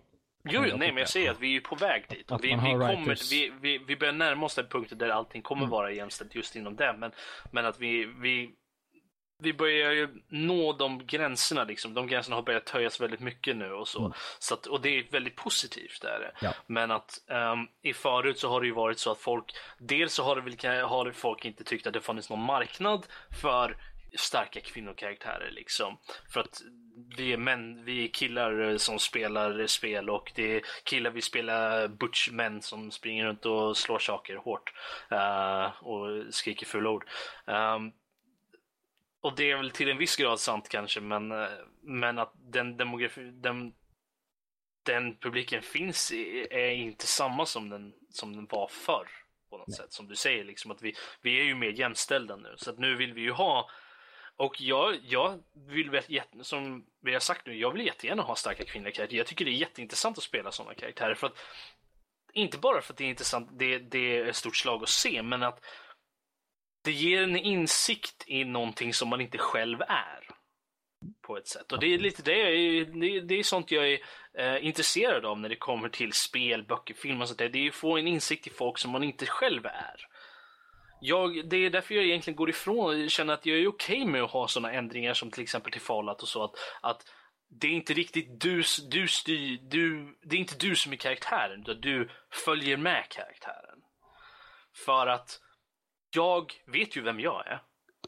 Jag behöver inte spela ett spel där det är jag som gör grejer, utan jag vill ju spela ett spel där jag får en insikt i en annan karaktär och följer på deras resa. Det säger ju inte att det alla spel behöver vara så för min del, men att det är sånt jag tycker är intressant. Och det, och det är väldigt mycket så när det kommer till kvinnokaraktärer. För det, dels så är det ju inte bara en annan typ av person, som en annan, en annan man som går runt och gör grejer som är mer bla bla bla än vad jag är. Men att det är en kvinna, någonting som jag absolut inte kan vara på något sätt. Så att eh, det, jag finner det extremt intressant, så jag vill jättegärna se mer av det. Ja, vad finns det mer att säga då om rent generellt om karaktär? Finns det några karaktärer som kanske komma skall som ni ser fram emot på den kvinnliga sidan? Dishonored 2. Ja. Dishonored 2. Yes, Precis. Mm. Vad fan heter hon igen? Jag har glömt. Uh, Emily, eller va? Yes, Emily. Emily. Ja. Det är kul att se i alla fall, för jag tänkte också säga det bara som avslutning då att vi har ju till exempel Horizon Zero Dawn där har Alloy, ja, uh, eller vad hon heter, jag vet inte om jag säger det rätt. Uh, och hon ser riktigt badass ut också. och det ska bli intressant att nu i framtiden se vilka kvinnliga spelkaraktärer som kommer fram och Eh, vilken dynamik vi får uh, vara med om då. Ja, vi får, vi får ju också se hur det blir med nya Mass Effect. Hur, om, huruvida de kanske har skrivit karaktärerna lite olika beroende på vilket kön man väljer den här gången. Ja. Det, det, det visar sig. Men, uh, får jag bara säga så här. Jag hoppas att uh, nu äntligen med Assassin's Creed Syndicate att vi kan få fler kvinnliga spelkaraktärer. För problemet var ju röstfysik. För då bara, ah, men, oh, nej, några extra polygoner hit och dit. Så bullshit säger att det Ge oss en stark bra assassin kvinnlig. Precis. Det låter vi bli slutordet där på veckans diskussion. Ska vi sluta på bröst? Ska vi verkligen ja, sluta på vi slutar på bröst. Vi slutar på bröst. Och där har vi namnet på veckans avsnitt. Vi slutar på bröst. Uh, så, men det var veckans diskussion och är det någonting ni känner ni vill mejla in till oss om vad gäller just veckans diskussion eller andra ämnen, ta som sagt och mejla in på info.nordlivpodcast.se. Eh, och eh, vi rundar av här som sagt och går vidare till övriga nördämnen. Och eh, Ja, den gode dinosaurien var du iväg och, och såg, Kalle. Ja, idag ja. Mm. Mm. Det, här, det här blir ett jättebra exempel. Ni, som ni vet så är jag inte rädd för att säga vad jag tycker. Eh, och jag var inte jätteimponerad av den här filmen faktiskt. Eh, eh, och inte Isa heller, min eh, systerdotter som jag var så. Hon Mm. var inte så jätteimponerad heller. Men eh, ja, den saken jag vill ta upp här är att jag anser att barnfilmer ska inte få ett frikort att vara dåliga bara för att de är barnfilmer. Det är just för att när man, när, när vi ska, man ska gå på bio med, med, med en ungen så, så är det ju, alltså jag var i biosalongen, det var ju hälften var ju vuxna.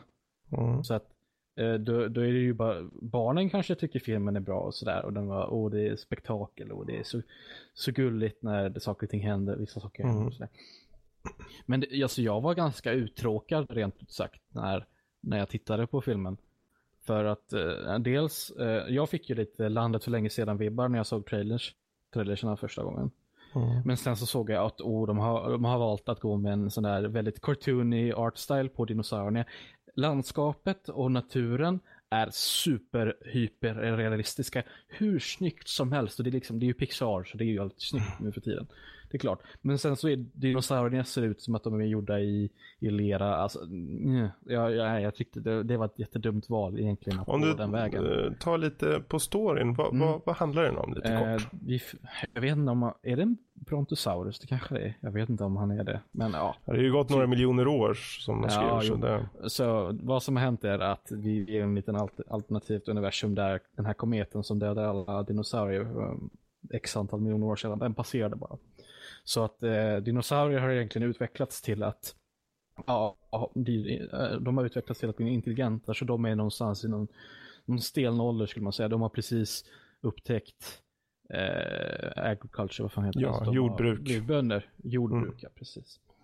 Eh, och då har vi vår, vår lilla, de, vi följer, först får vi se en mamma och en pappa Brontosaurus som får tre barn och sen så har vi vår lilla misfit-karaktär som inte riktigt passar in i familjen och han, han, eh, han lyckas inte riktigt hjälpa till.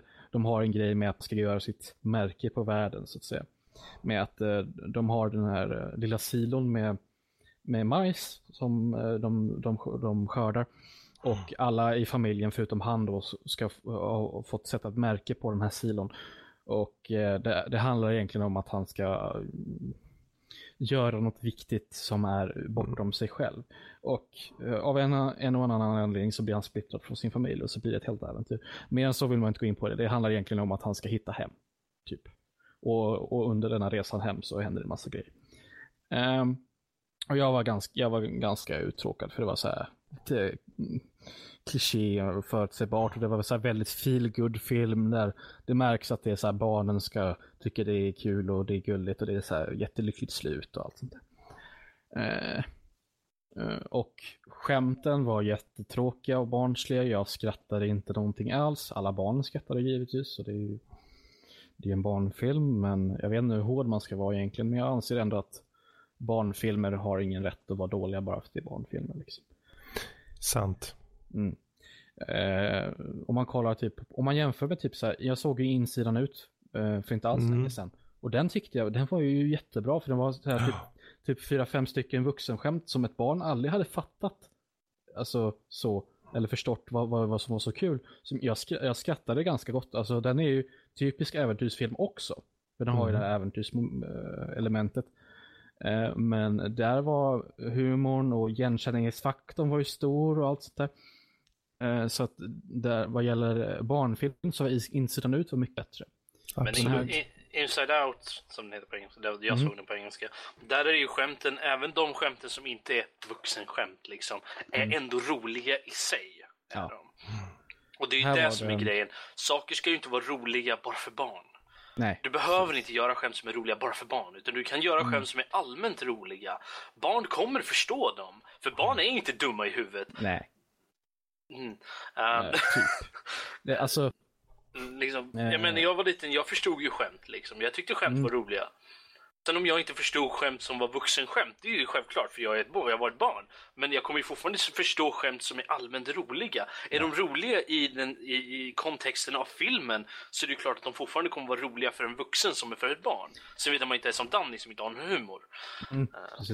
Uh, och uh, i den här filmen, de, de, de förlitade sig alldeles för mycket på slapstick-komik liksom. Det var, han, eh, dratt, han, han ramlar och slår sig väldigt mycket. Typ. Det är typ det och sen så, eh, ja, det, man behöver inte gå mer, gå mer in på det än så liksom. Men alltså, visst, det funkar, som sagt, barnen tyckte ju, som, på barnens reaktion när jag såg filmen, de, de tyckte ju om den.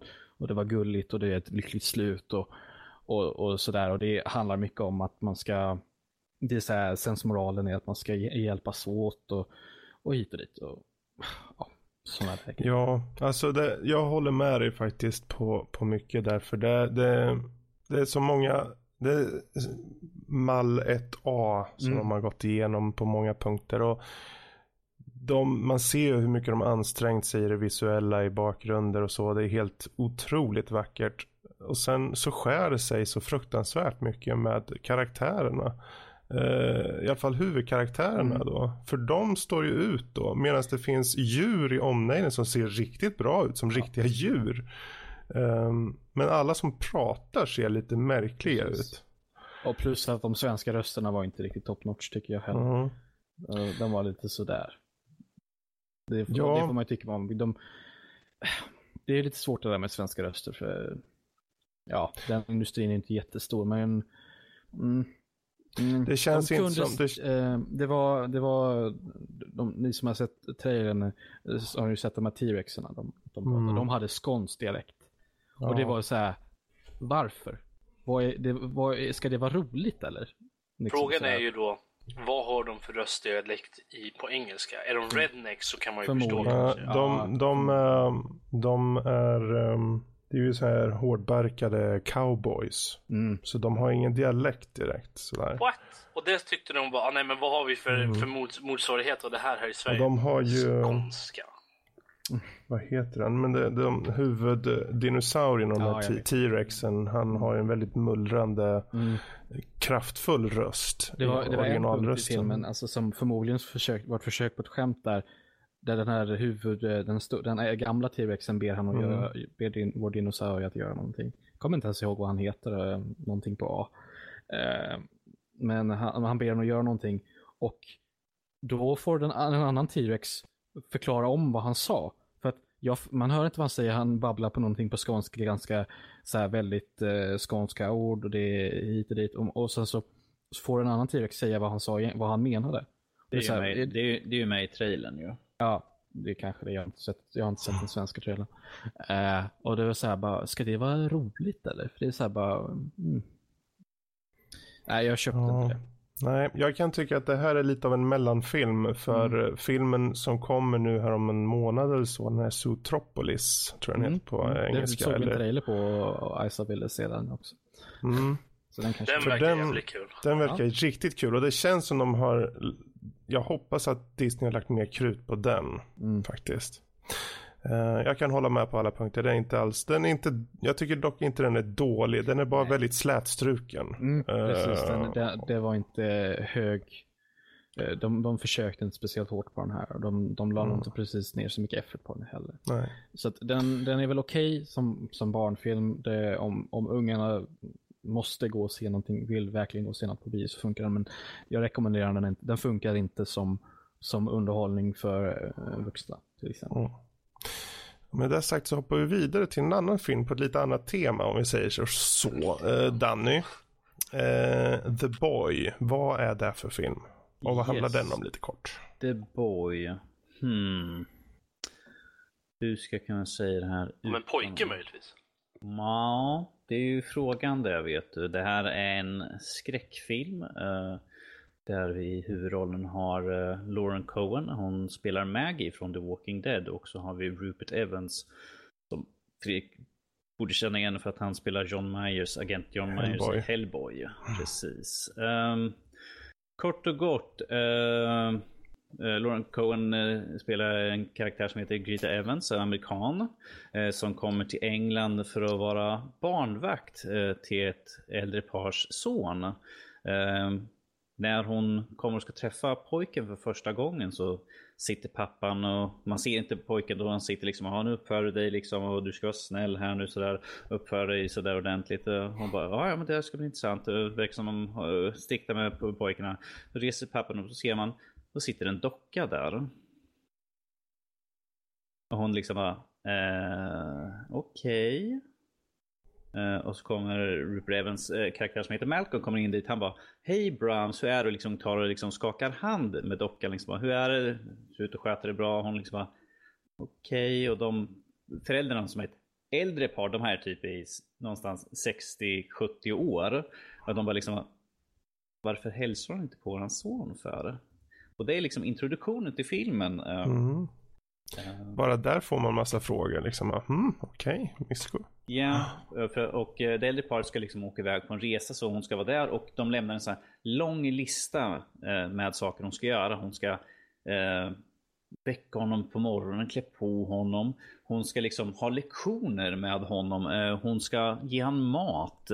Och hon ska eh, spela musik på hög volym och hon, hon ska läsa dikter för honom.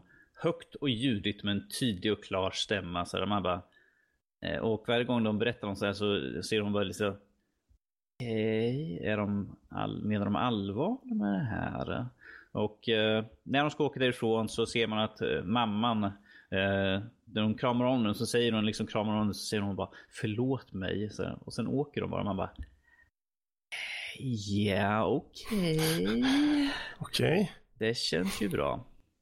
Uh, och hon såklart, så fort de har åkt så tar hon liksom bara slänger dockan i ett hörn och sen börjar, bara sitter och slöar, pratar med sin syster. Hon har haft ett tydligen lite jobbigt hemma i USA. Det är från en väg i England. Försöker hålla sig borta.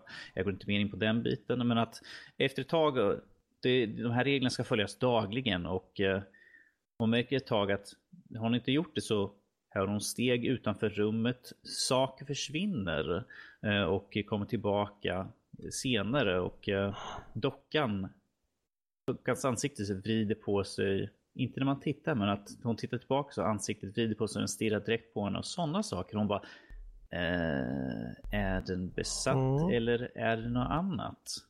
Men, eh, Intressant. Men jag tänker inte säga mer eh, så om storyn. Men eh, om jag säger min egna personliga åsikt så tyckte jag att den var bra i 75% av filmens längd. Sen kom det en liten twist alla ja, shamalama lama ding dong och eh, sen förstörde det resten av filmen för mig mer eller mindre. Fram tills dess så var det en väldigt bra film. Stämningen var fint uppbyggd. Bra skådespeleri. Eh, väldigt snyggt filmad.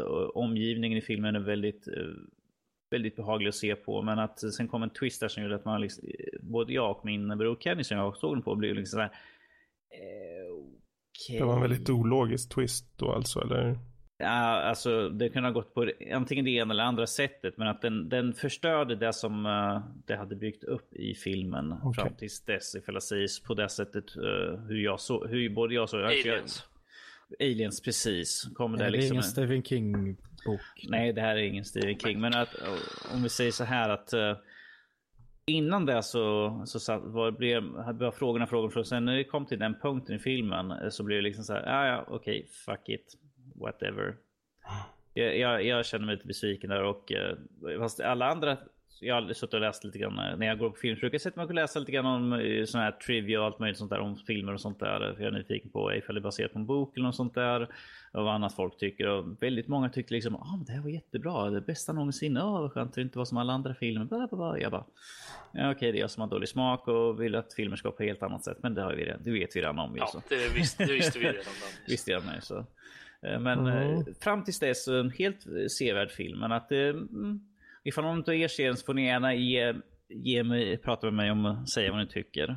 Liksom, bra, dåligt.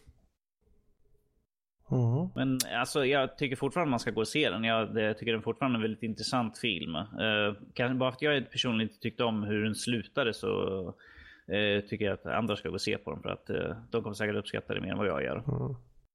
Ja, du gillar ju 75% av den och det är ändå Jag gillar merparten. 75% Så. precis. eh. Du tycker ju om den mer än du Det ska tycker stå illa om på den i alla fall. omslaget sen när den kommer ut på Blu-ray. Det ska stå, Norskes gillade 75% av filmen.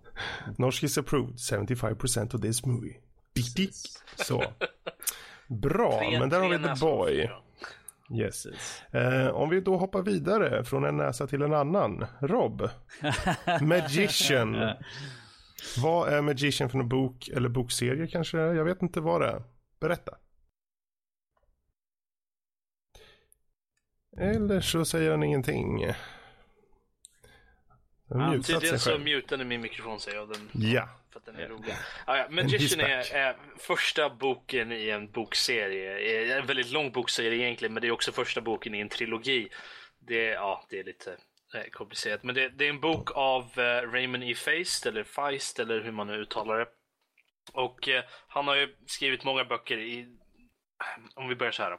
Magician utspelar sig, och alla de här böckerna utspelar sig på en, en, en värld som heter Midkemia.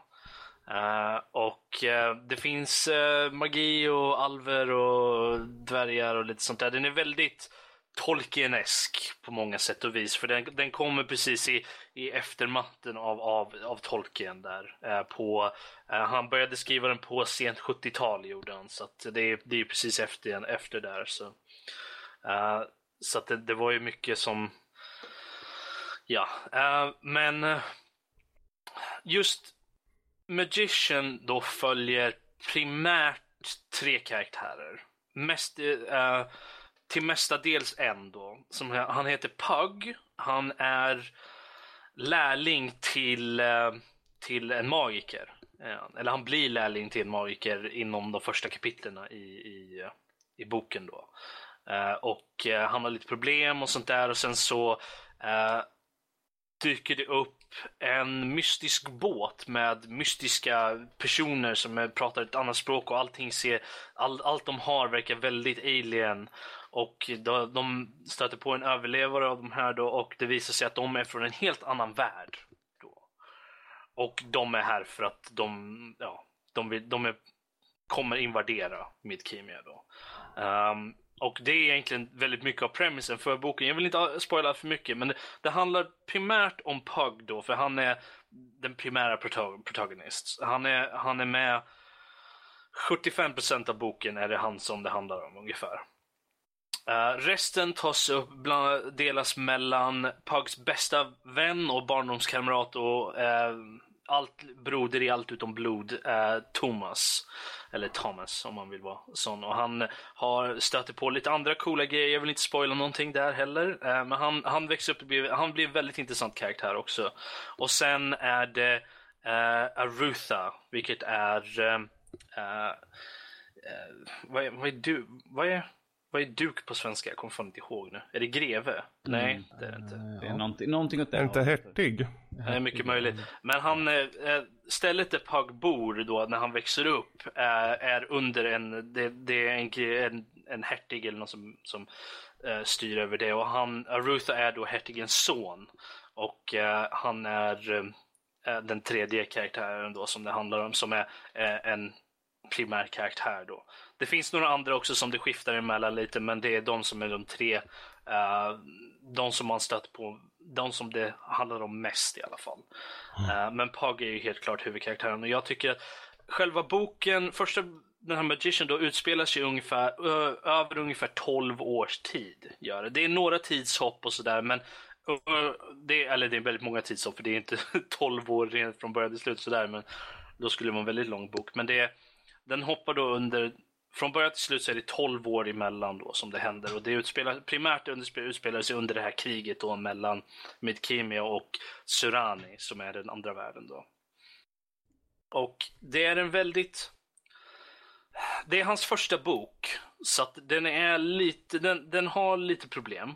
Eh, och det är sånt som jag har märkt i efterhand. Eh, jag läste den här boken när den kom på svenska första gången. Eh, vad var det? 2003, Fyra någonstans där. Eh, det var då första gången den, den översattes till svenska och då eh, läste jag den. Eh, så jag, var i hög, jag gick i högstadiet då någonstans där. Så det, det är en av mina tidigaste eh, ordentliga fantasyböcker, så här epic fantasy.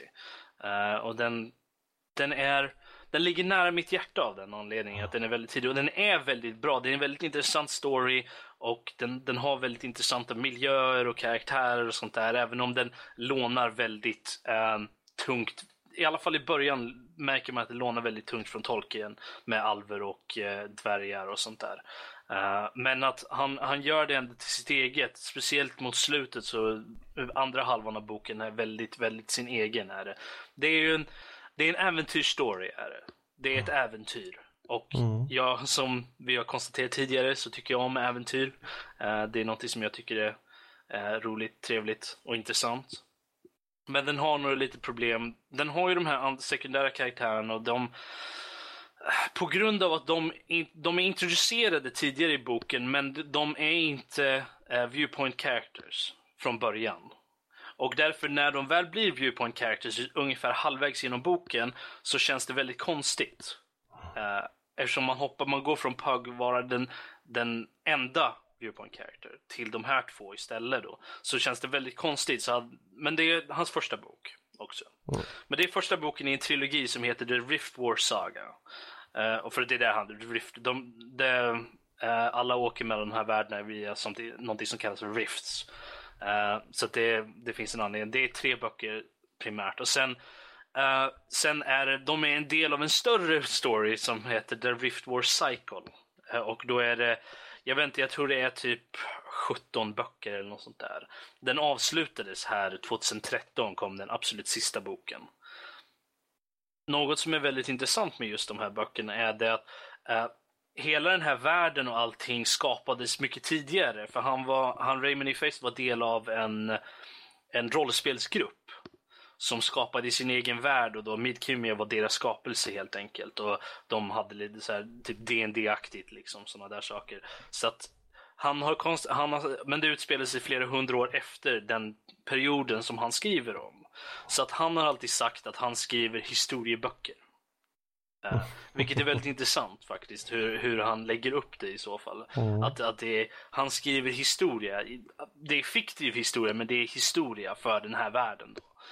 Uh, men uh, jätteintressant, där har vi i alla fall Magician och Raymond E. Feist, om det nu heter så. Värt att kollas upp helt enkelt. Ja, jag lyssnar på den på talbok och han som läser den är väldigt, väldigt bra också. Jättekul.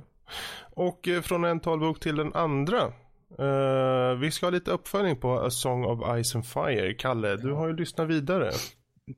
Jajamensan det har jag. Jag måste, måste jag beklaga mig lite på den här faktiskt. För det är synd. Jag, har, jag kan ju förstå varför det är så här. Men vad som har hänt är att Um, mellan, det var ganska lång tid mellan att tredje och fjärde boken spelades in. Så vad som har hänt är att, att han som läser Roy the Trees, han har ändrat sättet han gör vissa karaktärer väldigt mycket. Så de, de, han, de har nästan helt olika personligheter, de pratar på olika sätt. Det som är väldigt unikt med han är ju att han har gett nästan alla karaktärer, alltså så, så, så gott det går med en persons röst, alltså unika röster då. Speciellt till de stora huvudkaraktärerna. De har nästan helt unika röster. Men vad som har hänt nu är att de har förändrats så mycket så att det är svårt att ta sig an de här igen. De, eh, jag tänker speciellt på Arya då. Hennes röst har förändrats så mycket. Um, vilket gör det svårt att ta sig vidare. Alltså ettan, tvåan, trean eh, är väldigt lika vad gäller, alltså de, häng, de hänger nästan ihop väldigt mycket vad gäller talböckerna. Uh, för de som bara sett serien 1, 2, 3, det är säsong 1-4 utspelar sig.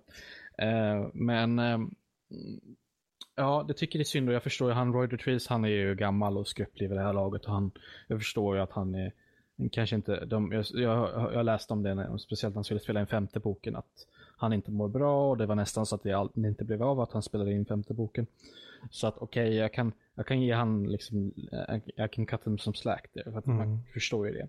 Men jag tycker ändå det är synd, för det gör, det fick mig nästan att, ah, fan, alltså, kanske ska jag bara läsa resten, för det är ändå bara två böcker liksom. Uh, för det, det, gör det svårt att ta sig vidare. För att, mm. för att ettan, tvåan, trean, de körde jag liksom eh, efter, efter, alltså de bara körde jag rakt igenom hela. De, de var nästan som en hel bok för mig. Jag bara läste dem, eller lyssnade på dem rakt igenom. Uh, men fyran har blivit svår att ta sig igenom för att alla karaktärer låter så annorlunda. Det är just det där att man har byggt upp hur, hur bilden av deras röster in, Mm. inom sig själv. Liksom. Och, särskilt nu i, i ljudboksformat så blir det så tydligt också. Så att det nästan kanske, antar jag nu, att det liksom spräcker lite av den illusionen på något sätt. I och med att du ja. från tidigare har vant dig vid de här rösterna och sen plötsligt så blir det en annan typ av ton eller eh, liknande. Mm. Alltså jag, jag kan ju, som en person som har lyssnat på extremt många ljudböcker här, så kan jag säga att det finns ju Dels så är det väl så att det var lång tid emellan, men ofta så har de, de kan ju lyssna på böckerna innan och höra, okej det här var den röst jag använde.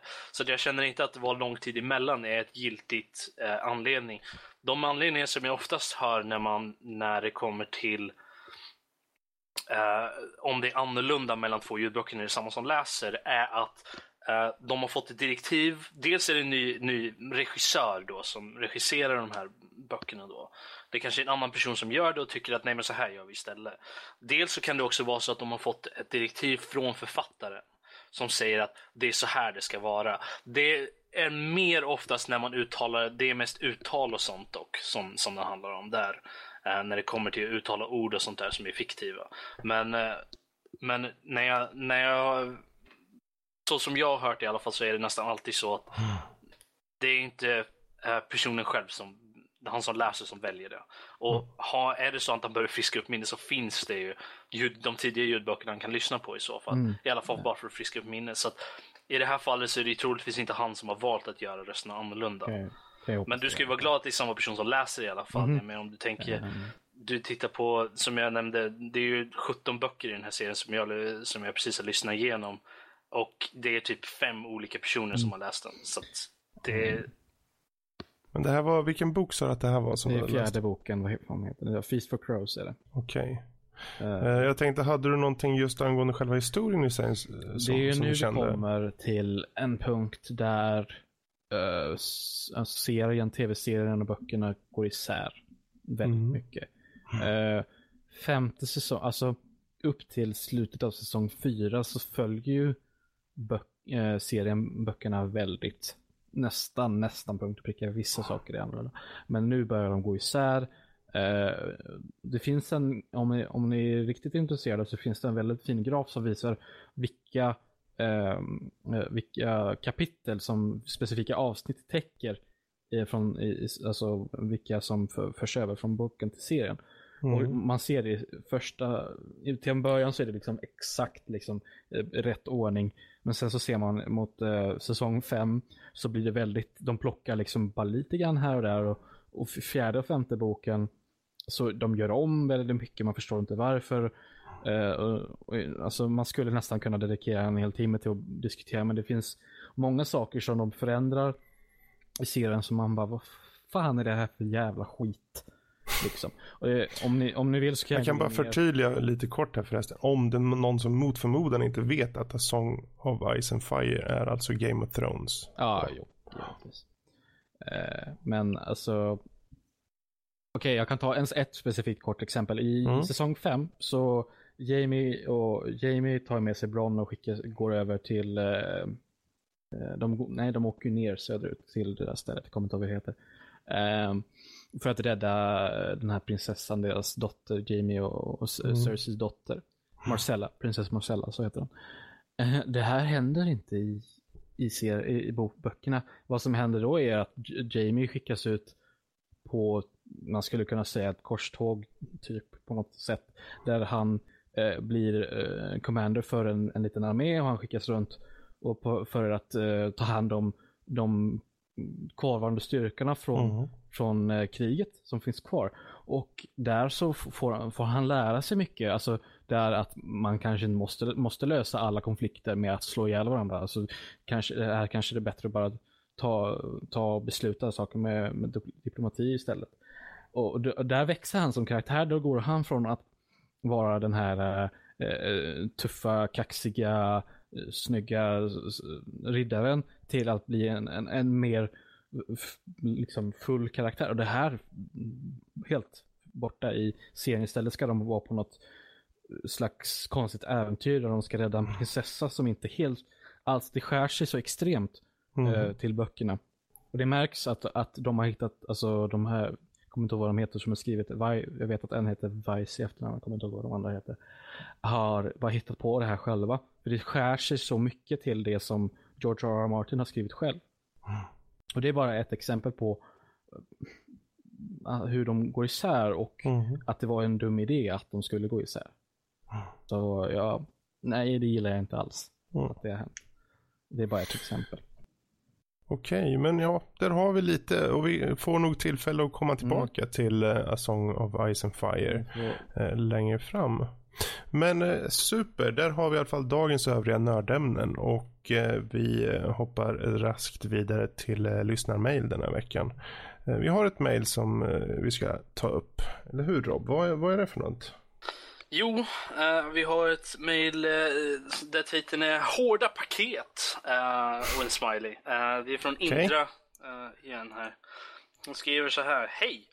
Var nyfiken om ni kommer ta upp brädspel också någon gång. Men ni kanske bara snackar tv-spel slash datorspel. coolt annars men ville höra efter. Ja, vad säger ni? Jag har faktiskt pratat om brädspel på den här podden. Ja. Det var länge sedan, men jag har faktiskt gjort det. Har du? Ja. Ja, det var ganska tidigt. Det var, ganska, det var en av de första avsnitten jag var med i tror jag. Kanske andra eller tredje avsnittet jag var med i. Men ja, då pratade jag om, om Arkham Horror. Just ja, precis. När du säger det så. Ja. Ja, jag tror nog inte det finns nog inget. Eh, vi skulle nog mycket väl kunna ta upp brädspel. Det är bara att det inte det, kommit upp på tal. Det var bara det att inte jag, enligt Annie. Eh, på senaste tiden har jag inte spelat så mycket brädspel. Det var mest i somras. Mm. Så startades ju en eh, brädspelsgrupp i skolan då. Eh, som mm. går i. Där startade vi en grupp. Då var jag med mycket och spelade, men på senaste tiden har jag inte varit med så mycket. Men, vi, men om jag får manken till ska jag ta mig ner dit och spela eh, lite mer brädspel. Men vi spelar ju eh, mycket Dominion och så har vi spelat Ticket to Ride och sånt där. Men det var länge sedan nu. Eh, så mm. att, eh, om jag tar mig ner igen så kanske jag kan diskutera lite.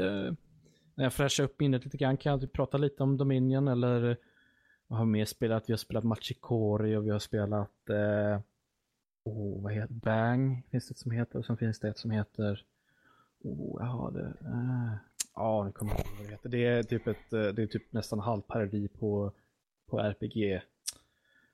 Det är ganska känt. Uh, ja, förlåt jag kommer inte ihåg just nu. Åh oh, vad jobbigt. Ja. ja. Även om det inte är brädspel så kan ju jag och Lotta säkert ta och prata om rollspel annars, så här tabletop-rollspel. Ja. Det är ja. inte samma sak som brädspel, vad Daniel försöker komma med. Jag kom Men... på det. Uh, det heter, nej, inte, Munchkin, så heter det. Munchkin. Helt klart, vi kommer ta upp brädspel om, om vi får chansen. Så det är ingenting. På tal om brädspel så finns mm. det någonting som vi borde faktiskt spela tillsammans. Och det kan vi göra genom Tabletop Simulator. Det heter Secret Hitler.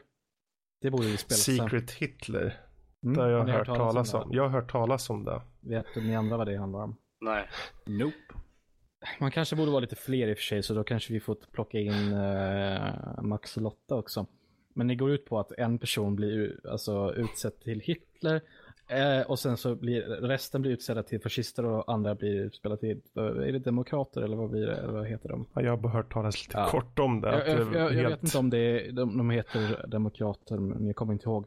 Men målet är att man ska få, få igenom fem stycken lagar av sin smak då. Alltså eh, fascisterna ska få igenom fem stycken lagar, eh, fascistiska lagar och demokraterna då ska få igenom fem stycken eh, demokratiska lagar eller då givetvis döda Hitler. Och det här är premissen och en hilarity ensues. Jag har sett, jag har sett liknande, jag kollar på folk som spelar brädspel nämligen, så streamar och sånt. Och mm. det, jag har sett liknande spel uh, som, är, som är väldigt lika det där. Det ja. finns ju sådana här som är typ Werewolf och sådana grejer. Ja, där har vi ju Bang som jag pratade om, som jag nämnde på kort innan. Det är ju ett uh, Vilda Västern-spel där folk, det är en som blir sheriff och en blir deputy och sen så är det Resten är liksom uh, skurkar mer eller mindre och man ska lista ut vem som är vem. Det är ju, det är som, det är ju samma, men, det, men uh, Secret Hitler, det, det, tycker jag faktiskt vi ska försöka spela. Men då behöver man vara fler, man behöver nog vara typ sex stycken åtminstone tror jag. Jo, men vi kan nog få in Max och Lotta på det där. Max det tror jag säkert ja. med. Om inte annars så har vi säkert några backups i form av andra folk. Mm. Ja, då. Det tror jag. Danny ja, ska vara med, han har ingenting att säga till om. Uh, Danny kan ju vara Hitler, jag tycker det passar honom. jag, jag, Vad skriver han mer då? Jag tar väldigt illa vid där, måste jag säga. jo, hon skriver så här också. Uh, sen betan av The Division så blev jag jättepepp. Kommer ni skaffa det spelet? Hugs and Kisses Indra. Ja, vad säger ni? Mm. Mm, ja, kanske. Jag, Um, nej, kör du först Fredrik. ja, jag kommer nog skaffa det, men inte på en gång, utan när det kanske kommer ner i pris, kanske finns i reabackar och sånt. Eh, jag kollade Twitch på, eh, på en del svenska podcast till exempel som twitchade ut eh, när betan gick. Och jag fick faktiskt bra sug till att spela det. Det såg roligt ut framförallt. allt. Men det är just, jag tänker mig för dem, det är klart att i betan har de inte så mycket story och jag funderar på, för det är ju mångt och mycket story-aspekterna som jag funderar mycket på. Eh, Men ja, det verkar ju småkul att lira, gör det ju. Men Fredrik, är det PC som gäller då? Ja, det är klart. Jag måste ju fråga ju. Nej, men jag, jag är sugen på det här spelet men jag kommer inte skaffa det på PC. Så. Ja, I Eh. min del så blir det nog PC eftersom jag inte har råd med, med en X-Bone. Så att, eh, I, I mitt fall är det att min dator kommer inte klara av det. Så. ja, nej men jag, jag, jag får väl se I mitt jag- fall så kan jag ju köra på vilken som helst av dem. Ja, men därför Men jag väljer Fredrik, PC. så. därför vill jag Eh, inte fråga dig Fredrik. De, de hade ju en del problem på betan, vilket är positivt i och med att det är en beta så då kan de ju rätta till dem givetvis. Det är det som är poängen. Men eh, de har ju en del saker som jag tycker de borde justera för att det märktes ju att, att det, det märks ju att det, det är ju likt Destiny med det här att det är något slags eh, sudo RPG av något slag. Jag tycker inte att den hyperrealistiska stilen de går för passar den. För jag märkte det var, det var typ någon som hade något gevär och så stod han och sköt på en snubbe i, i vanliga kläder och han dog liksom aldrig. Bara stod och sköt och sköt och sköt och sköt och han dog inte. Så de, jag tror att de, de måste justera lite på hur det ser ut och de hade mycket buggar med osynliga spelare. Jag vet inte om det var fusk direkt, men jag vet att de hade problem med osynliga spelare bland annat. Och sådana saker. som så att jag hoppas att de rättar till allt det där tills eh, det släpps. Mm. Eh. Men eh, jag kan tänka mig att köpa det faktiskt. Mm. Ja, jag är väl lite ljummen för. En Ja. vacker dag. Det ser lite, det ser, det har en del kul i- idéer och det ser onekligen snyggt ut och, och Mm. så också om man ska se till det ytliga. Eh, men det är inget jag köper på första dagen direkt. Om, inte Om man- om man snyggt säger så här. E3, men det kan jag, det är ju okej med. Det är så, det, så är det ju på E E3. Så, om man säger så här. eh, det finns andra spel jag vill ha först. Mm. Mm. I stort 2? sett. Va? Ja, Dishonored 2. Ja, blir det utannonserat så vill jag definitivt ha det innan då i så fall. Jag är mer Okej. hypad för ett spel som inte Men har där, blivit där, där, än. där fick vi i alla fall svaret vad vi tycker om, eller vad vi kan tänka oss angående det. Yes. Vi hade inga fler. Så att, eh, Hon skrev ingen mer där. nej, det var slut. Jag sa ju det. Hon Bra. skrev Hugs and Kisses. Och sen så, Yes. så att, och Då så. Eh, Eh, så, då, då är mejlen avklarade. Och eh, vi närmar oss slutet för den här podden då för den här veckan. Och självklart ska vi ju säga det som vanligt att är det så att ni vill ha mer av oss utöver det ni hittar i er podcastapp. Eller dator om ni lyssnar därigenom. Så ta och hoppa in på vår hemsida eh, nordlivpodcast.se så kan ni läsa recensioner, film och speltips, animetips, kröniker, se YouTube-klipp och annat nördrelaterat. Men framförallt så hittar ni ju då alla nödvändiga länkar för att kunna lyssna, se och läsa det vi har att ge ut. Om det så är via iTunes, YouTube eller Twitch. All info finns där. Eh, och självklart är vi ju tacksamma om ni prenumererar på oss, eh, antingen via den här podcastappen då, eh, YouTube eller Twitch eller hemsidan. Och det här hjälper ju vår för vår del att se att det finns ett intresse där ute framförallt. Och självklart så hjälper oss ytterligare om ni faktiskt tar och betygsätter oss på till exempel iTunes eller för den delen YouTube. Så hoppa in gärna på www.youtube.com nördlivpodcast, ett ord med ö faktiskt där. Eh, ja, och utöver detta så har ni några idéer och tankar som ni vill att vi tar upp. Kontakta oss då på info.nordlivpodcast.se eller om ni vill nå någon av oss personligen så är det bara att ta förnamn nordlivpodcast.se så når ni oss individuellt och vi är tacksamma för all form av feedback och förslag från er som möjligt. Så, men eh, ja, där har vi den här veckans avsnitt. Så det är väl inte mer att säga än så, eller hur? Det är Nej. slut. Wow. Mm. Slut för idag. Vi säger tack och hej. Bye! Toodaloo. Bye! Bye bye.